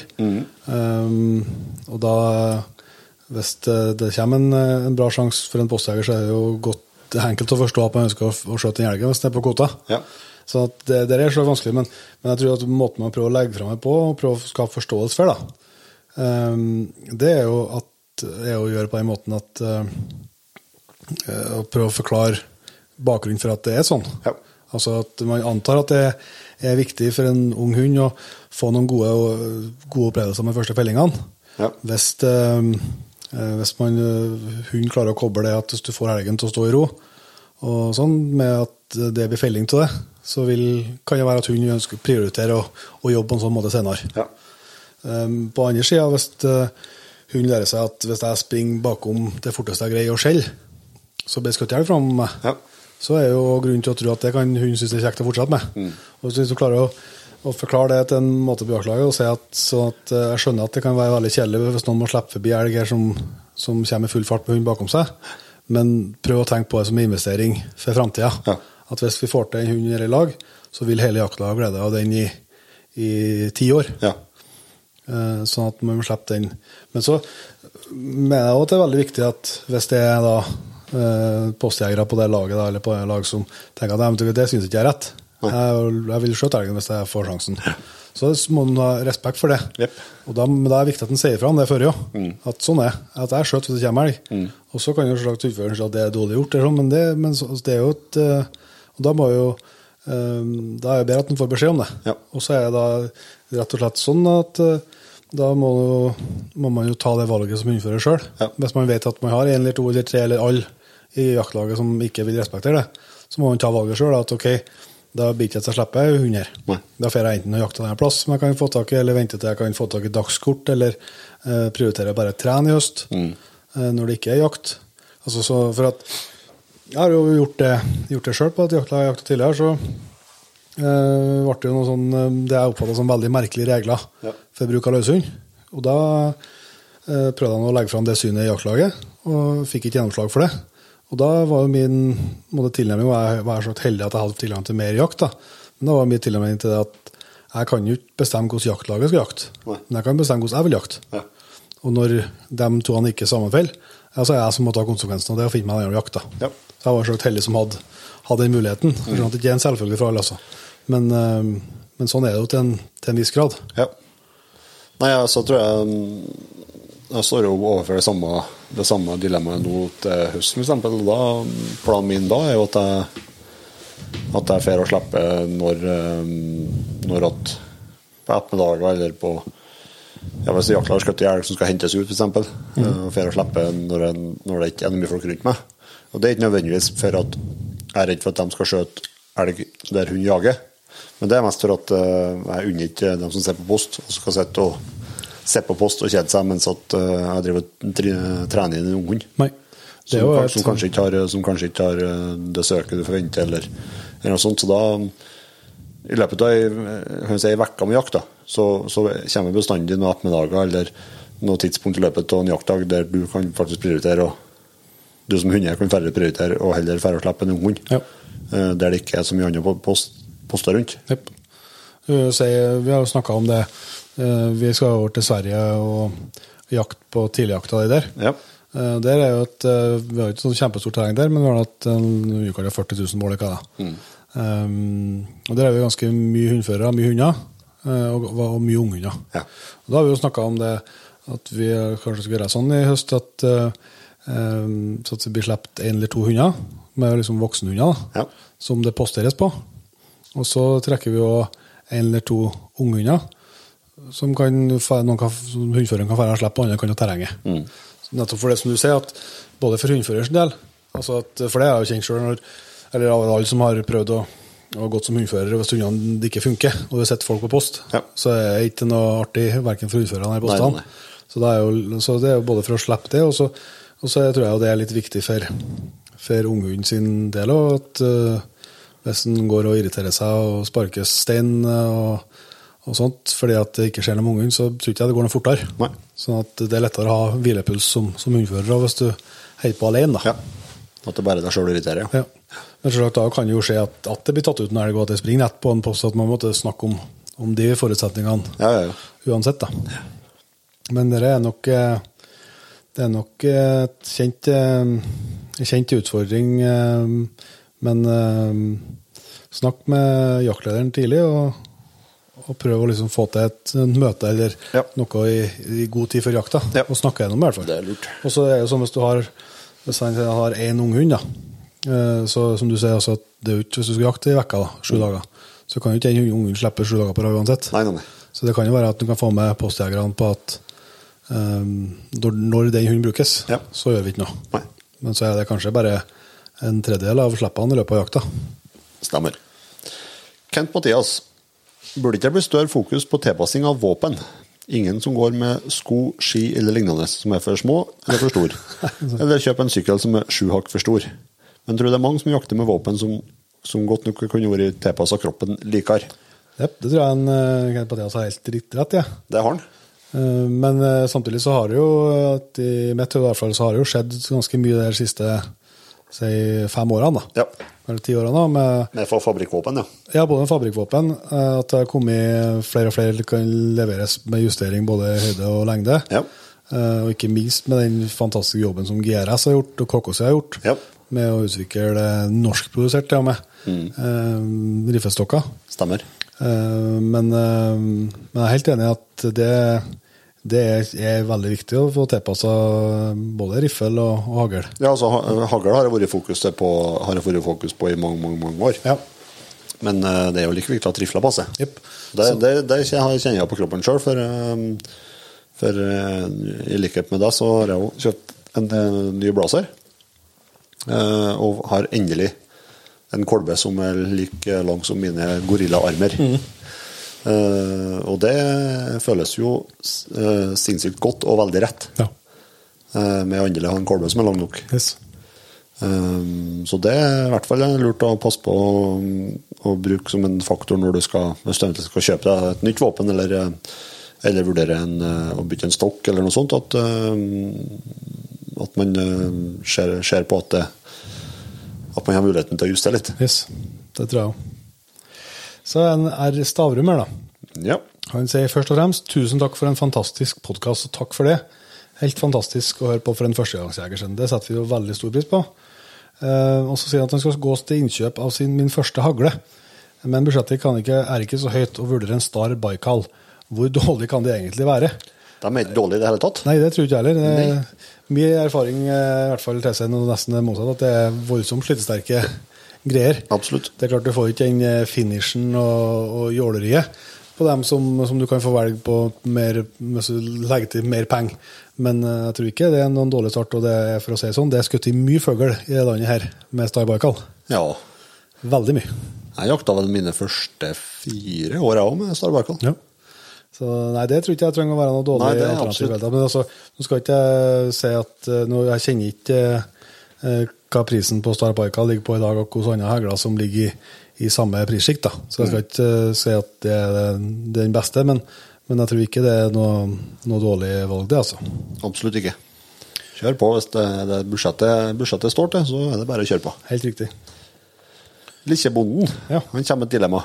Jakt én dag i uka eller fisk sju dager i uka. Jakt én dag i uka. Neste. I hvert fall hvis det betyr at uh, uh, Enten eller. Ja, så eh, artig å fiske, ja, men eh, fisk er fisk og kjøtt er mat. Eh, Sondre Velgen han sier om hva som har vært dårligste erfaring med noen som er imot jakt, når du kommer gående f.eks. med hund og våpen.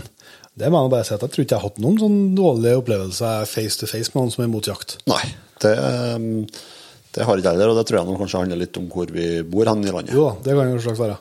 Men jeg har aldri hatt noen sånn uh, opplevelser Nå har ikke sagt jeg har jakta så mye i tettbygde strøk på vis med turstier eller sånne ting, da, men jeg har aldri hatt noe Aldri hatt noen dårlige opplevelser, sett noen dårlige opplevelser online. Folk som har er jakt, men ikke offline. Nei, og ikke som vi og ikke som eh, I hvert fall ikke noen opplevelser som eh, har brent seg fast på minnet som, eh, som en negativ opplevelse som kommer i øynene. Nei, nei, nei. Oksnes Outdoor. Nipp. Planer dere å holde, eller holder på med en ny jaktserie? Ja, det gjør vi. Det gjør vi. Eller, eh, at vi har ikke begynt innspillinga, men eh, det blir en ny runde med jegertoner. Det blir det. Så det skal vi nok komme mer tilbake til på andre sida av ferien, tenker jeg. Mm. Men vi er, turene er planlagt, og det meste ligger på plass nå, så det er bare å komme til helgen. Yep. Eh, Tore Øverkil, ATV L Jarnhast. Jarnhest. Ja. Nei, det er nå vel det Ja, Vår vår mening er vel ATV. Ja, altså Eller altså, jeg har aldri jeg har vært med elg med Jarnhest, jeg har vært, men jeg har brukt det så lite at jeg har ikke eh, noe erfaringsgrunnlag til å si at eh, Men at i enkelte situasjoner, og kanskje hvis en holder på mye alene, så kan jeg levende forestille meg at det er sikrere og enklere med en Jarnhest Ja. enn en ATV. Ja. Men så er det andre situasjoner der jeg også kan se for meg at det er enklere med en ATV. Ja. Ja, jeg syns også den store altså, Jarnhesten er veldig fin og godt egnet til sitt settbruk. Eh, til å ta seg fram. Og du, I hvert fall når du lærer deg å kjøre en jarnhest, så er det utrolig hvor du kommer fram. Ja. Eh, det som jeg syns er problemet med den kontra ATV, det er når det blir lenger. Eh, for det går utrolig mye fortere å kjøre ATV enn å kjøre jarnhest. Ja, vi hadde jo 11 km luftlinje inn til en elgen henta i fjor. Ja, det er langt med jarnhest. Ja, det, det var langt nok ATV. Så, nei, så det, men det, så, så er det noe slags annet poeng da, som helt åpenbart, er jo at uh, bruksområdene gjennom året Ja. er så mye mer for en ATV. Ja. Eh, med alt fra hager til å trene hunder og Mm. det som er så. Så det er i hvert fall uh, en viktig tunge på vektskåla for min del. ja. Neste er da Tommy Hosvåg. ja. Jakt, men bare ete grønnsaker, eller ikke jakt og ete kjøtt? Eh, Jakt, men bare etter grønnsaker. Ja, jeg tror jaggu jeg borti eh, Det sto heldigvis ikke at du kan ete fisk og sjømat. sånn da. Du, kan, du kan ordne mye godt med grønnsaker ute. Ja, men eh, for at hvis Man sa ikke felt veganer, så du kan jo, du kan jo koste på deg noe, noe ost og forskjellig her, da. Ja, det er jo fisk òg. Ja, men eh, nei, jeg, altså, jeg har ikke eh, Jeg tror ikke jeg er så glad i avhengig av kjøtt at jeg hadde ofra jakta for det, nei. Jeg tror jeg er mer avhengig av jakt enn kjøtt, ja. Skår 94. Som jeg tolker det her, så har han to våpen. Han, er- han er i stuss om han skal selge begge og gå for ett. Tank, tanker omkring det? ja. Nei, jeg, det vet ikke jeg hva jeg skal komme på noen tips. Jeg har, eh, jeg har bestandig bare hatt uh, ett våpen. Ja. Til liksom, jeg har hatt, jeg har hatt jeg har noe hengel og riffel. Jeg har liksom aldri, aldri hatt to og tre rifler å det mellom, eller to og tre hagler å det mellom. Sånn at uh, um, Sånn at uh, jeg vet ikke helt hva som, uh, hva som vil lønne seg. For min del så syns jeg jo det å alltid ta etter samme børsa og kunne bruke samme børsa har noen åpenbare fordeler med forhold til vi vant med og alt sånn. Men det er klart jeg skjønner jo veldig godt dem som vil ha litt mer spesialiserte greier, eller kanskje er glad i den, og den har affeksjonsverdi sånn, og sånn at man vil bruke forskjellig, forskjellige. Ja. Ja. Men uh, Jeg tror hvis man, i hvert fall hvis man er på tanken at man vurderer å gjøre det, så, så uh, tror jeg nok det er en, en lur tanke. ja. Um, jeg hadde jo en periode hadde jeg to, to forskjellige børser, uh, men ble aldri fortrolig med den ene. Nei. Og valgte å selge den igjen for å kunne, kunne ha den ene og, og bruke den enda mer. Ja. Um, for jeg tror det har noe med den, den kjennskapen og det det blir veldig rart, men at du knytter jo et bånd, og du føler jo at du skjøter bedre med enkelte våpen enn du gjør med andre. Ja, ja. Det er ikke en tvil om. Og så, så er det nå eksempel selvsagt en, en eh, kan være et spørsmål om penger. Si at du har to våpen da, som Eller si at du har 10 000 kroner til å kjøpe en ny børs, da. Ja. Eh, og så har du lyst på en ny børs. Og så har du to våpen som også koster 10 000, som du kan få 10 000 kroner for. Ja. Altså, hvis du selger dem, så kan du få tak i en til 30 Um, Så tror jeg jo at f.eks. på optikk, da, Ja. uh, og på våpen, så, så kan du jo da få tak i noe som er enda bedre, Ja. og som vil kanskje gi deg enda bedre opplevelser, enn at du har tre som ligger i matchsjiktet, Ja. Mm. eller under matchsjiktet. Selv om det er jo heller ikke noe dårlig våpen, og mer funksjonelt til all mulig jakt. Mm. Men uh, jeg tror du får enda råere eh, eh, greier hvis du legger litt mer, og da kan jo det være en måte å, å finansiere det på. Ja. Det er noe hilsen en som skal snart legge ut i børs på Finn. fortsatt nedover her, vi har da fortsatt noen igjen. Vi må begynne å runde av etter hvert kanskje, men eh, Jeg lurer på det. Vi, vi rekker ikke gjennom alle i dag. Der. Jeg gjør ikke. Men eh, min jakt Det her er jo veldig Det har ikke så mye med jakt å gjøre, men alltid tap i alle spill, eller kun spille ludo og vinne. Og jeg elsker jo å spille. Og jeg er ikke bedre glad i ludo, men jeg er mer glad i ludo enn jeg er i å tape. Ja. Sånn at eh, da lurer jeg på om jeg bare, bare må spille ludo resten av livet, rett og slett. Ja. Enn du? Nei, Ludo passer jo fint til deg, det. Nei, jeg er ikke så opptatt av å vinne og sånn. Nei. Nei. Nei, ikke jeg heller. Men, eh, men eh, hvis jeg først skal spille noe spill, så så liker jeg det enkelt. Yatzy og ludo og sånn, det er fint. En, en Jørgen Aasen her, han har en alltid bom, eller aldri forsøt.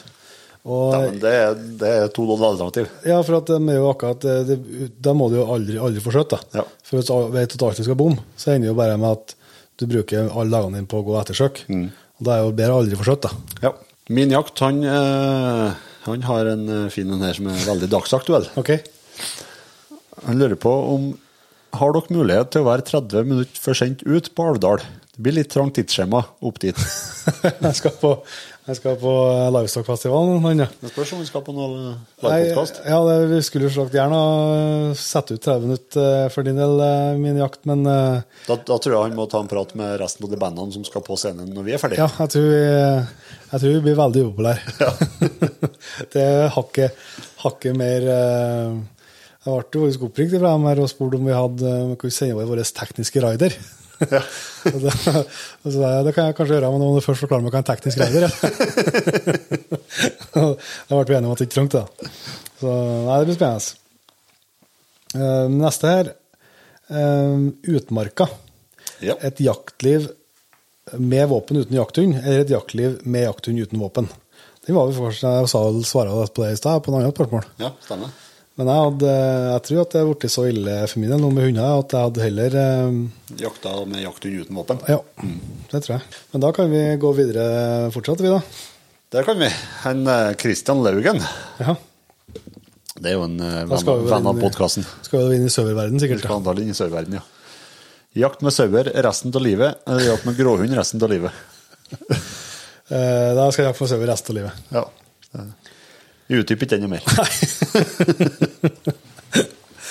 Nei, jeg har faktisk eh, nå, Vi har jo vært litt rundt, og det er jo eh, eh, Det er jo samme gjengen som har Blazer, som har både Mauser og, og Sauer. Ja. Så da har jeg jo kikka på den her Sauer 404 i karbon.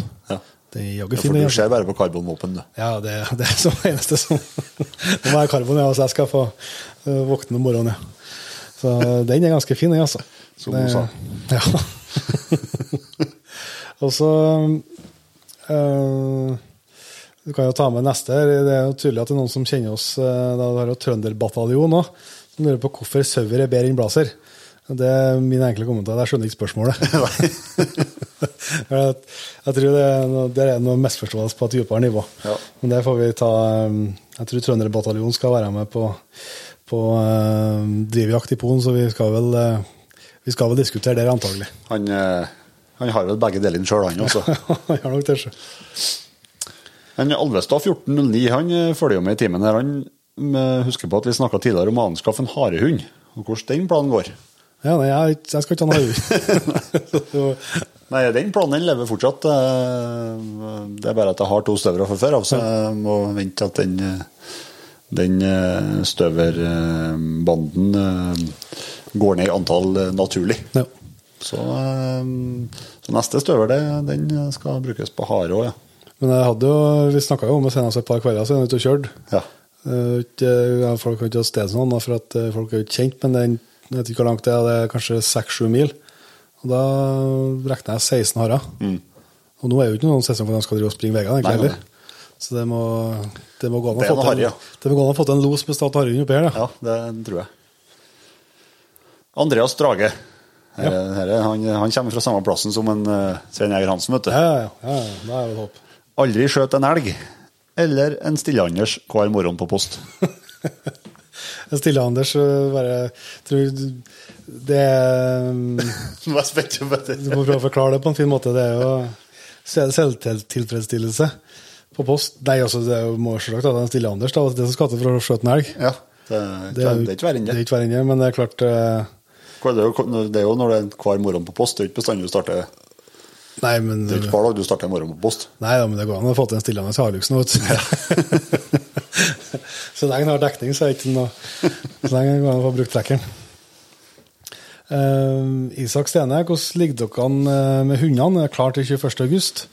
Eh, nei, klar til 21. august er det ikke ennå, men det vil jeg si at det ligger eh, Jeg syns de ser veldig bra form ut. eh, to av tre, i hvert fall. Eh, Freya har ikke jeg begynt å kjøre med ennå. Jeg syns er litt Hun er med ut eh, på joggeturer og sånt, selvsagt, men ikke kjørt med. henne. Men uh, Det, ligger, det, lig, det, lig, altså, hvordan det ligger an, det ligger an bra. ligger jeg si, for, for, for min egen del så er det lenge siden jeg har uh, ligget såpass bra an som jeg gjør nå. Ja, så selvsagt så er det jo heldigvis litt fram, tid fram til 21. august, men jeg hadde ikke men altså, jeg går av den første litt lengre turen på over to mil, og da um, har jeg ikke sett, har ikke hatt noe, har ikke sett noe mørkt på å slippe hunder i morgen, nei. Nei, nei. Og endelig, etter å ha bodd med min fru i elleve år, så har jeg endelig fått henne til å gitt dem så lite mat at de ikke legger på seg. Ja. For det har vært utfordring før. Så lettere start i år. Rett og slett å slippe å slanke dem først. Ja. Um, er det Lich-Martin? Han lurer på om det er greit å skjøte gjennom litt kratt hvis det er under 40 meter på elg med trenelott. Det, det, er Det kommer an hvor mye kratt det er. Ja, og så kommer an litt på hvor det krattet er igjen. Ja. Og hvordan kul man har. Ja, så det er vel ikke sånn eh, ett enkelt eh, svar på det. Men jeg, nå har jeg, nå har jeg forstått ikke Jeg har ikke skutt kun med trenelott og bane, så jeg har ikke skutt elg med ennå, så jeg skal ikke eh, si at jeg har noen erfaring med Du har nå skutt litt med tren- og elger med trenelott, du, da. Mm. men eh, jeg prøver noe slags som andre å unngå kratt. Men eh, jeg har jo skutt i det litt kvesten ganger, men da det er jo sånn at jeg er sikker på at den kvesten er nært elgen. Nært elgen, ja. Det er en, det er en viss forutsetning. At uh, den kvesten som finnes, er nært elgen, og så at du velger ei kul som, som tåler litt. At det ikke en- at det ikke er ei eh, rask eksponerende kul som åpnes etter hvert. Ja. Um, og så er det jo selvfølgelig å vurdere situasjonene. For det aller beste er jo å vente og se om du får en likere situasjon. Jep. Så det er jo å vurdere, vurdere det også, og det både om du, kan, om du kan få en bedre situasjon, og selvsagt òg mulighetene for et oppfølgingsskudd. Ja. Det er jo et uh, poeng. Jeg syns vi skal avslutte dagens uh, dilemmarunde her, Petter, med et uh, veldig konkret spørsmål som går til deler av redaksjonen. Eh, nok en gang fra min jakt om Daniel Kristoffersen. Ok. Ingen hårvekst, men bra skjeggvekst, eller bra hårvekst, men konfirmantduen i trynet? Nei, eh, skal du ikke ha noe hårvekst. og bra skjeggvekst. Det, det finnes jo noen som ikke har mye valg. Ja, ja, ja. Men, eh, nei, men herregud, det er jo ikke noe Det er jo bare et eh, Min bestefar så treffende sa at håret og vettet, altså håret og hjernekapasiteten, alle trivdes i lag. Nei. Det er jo det er bare sånn, sånn det. Og da må man stå i, stå i det. Nei, jeg har Jeg hadde ikke bytta skjeggveksten min i dag mot uh, hårveksten. Jeg hadde ikke kjent på den sjøl når jeg kikka meg i speilet. Nei, men Vi har jo ikke eh, dessverre klart å gå gjennom alle ihop, men vi har nå brukt eh, to timer og 20 minutter, så vi har i gjort et, eh, et ærlig forsøk på å svare en god del. Så vi må si tusen hjertelig takk til alle dere som både kom med spørsmål som vi fikk til å ta med, og for alle dere som var engasjert, dere som vi ikke fikk plass til den gangen her. Håper at eh, neste runde vi skal ha en sånn eh, spørsmål- og dilemmarunde igjen, at folk eh, henger seg på og melder seg på. Ja. Og så har vi jo trukket ut tre vinnere Yes. allerede, som skal få seg caps og solbriller. Jepp. Det, vi jo- det trekker vi jo blant alle sammen Ja. som var med. Det er Kenneth Solien, Christian Atle og Beate Alderslyst. Så gratulerer til dere. Da blir det caps og Jegerbåten solbriller i posten. Og Hvis dere ikke hører noe fra oss, så må dere sende oss en melding, så skal vi få sendt eh, premiene til dere. Jepp. Og så eh, skal vi vel da kanskje begynne å runde av eh, ikke bare episoden, men sesongen. Er nesten litt sånn Kjenner oss godt med litt eh, ferie, men det er, nesten, det er jo nesten litt sånn Vemodig. vemodig å være liksom ferdig med sesong åtte. Hvem hadde trodd vi skulle komme oss dit? Men jeg skal ha noen tips om å sjekke ut nettbutikken vår. Der er det masse snadder til jakta. Mm. og deler av det vil du jo kunne finne hvis du skal treffe oss på jakt- og fiskedagene på Elverum. Ja, det skal vi være. Det skal vi. Og så eh, sjølsagt da eh, årets store med Asbjørn Gamefair siste helg i august. Der håper vi at alle de som har vært med helt hit, blir å treffe oppå Steinkjer da. Ja.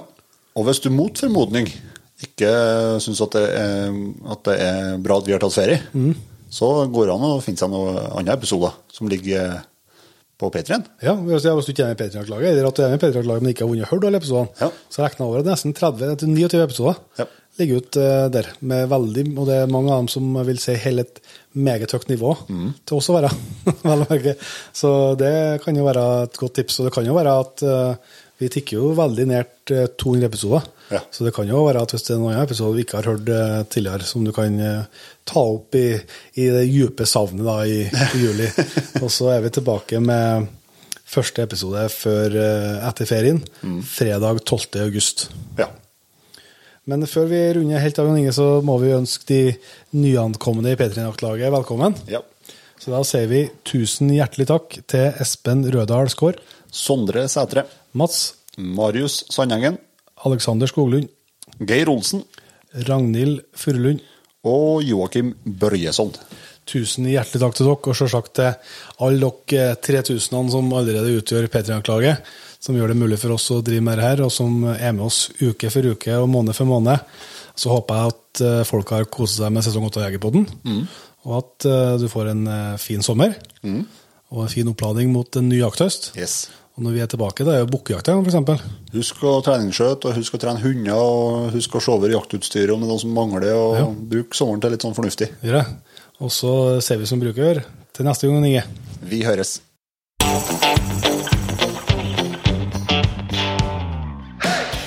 Tusen hjertelig takk for at du valgte å bruke litt av tida di på Jegerpodden.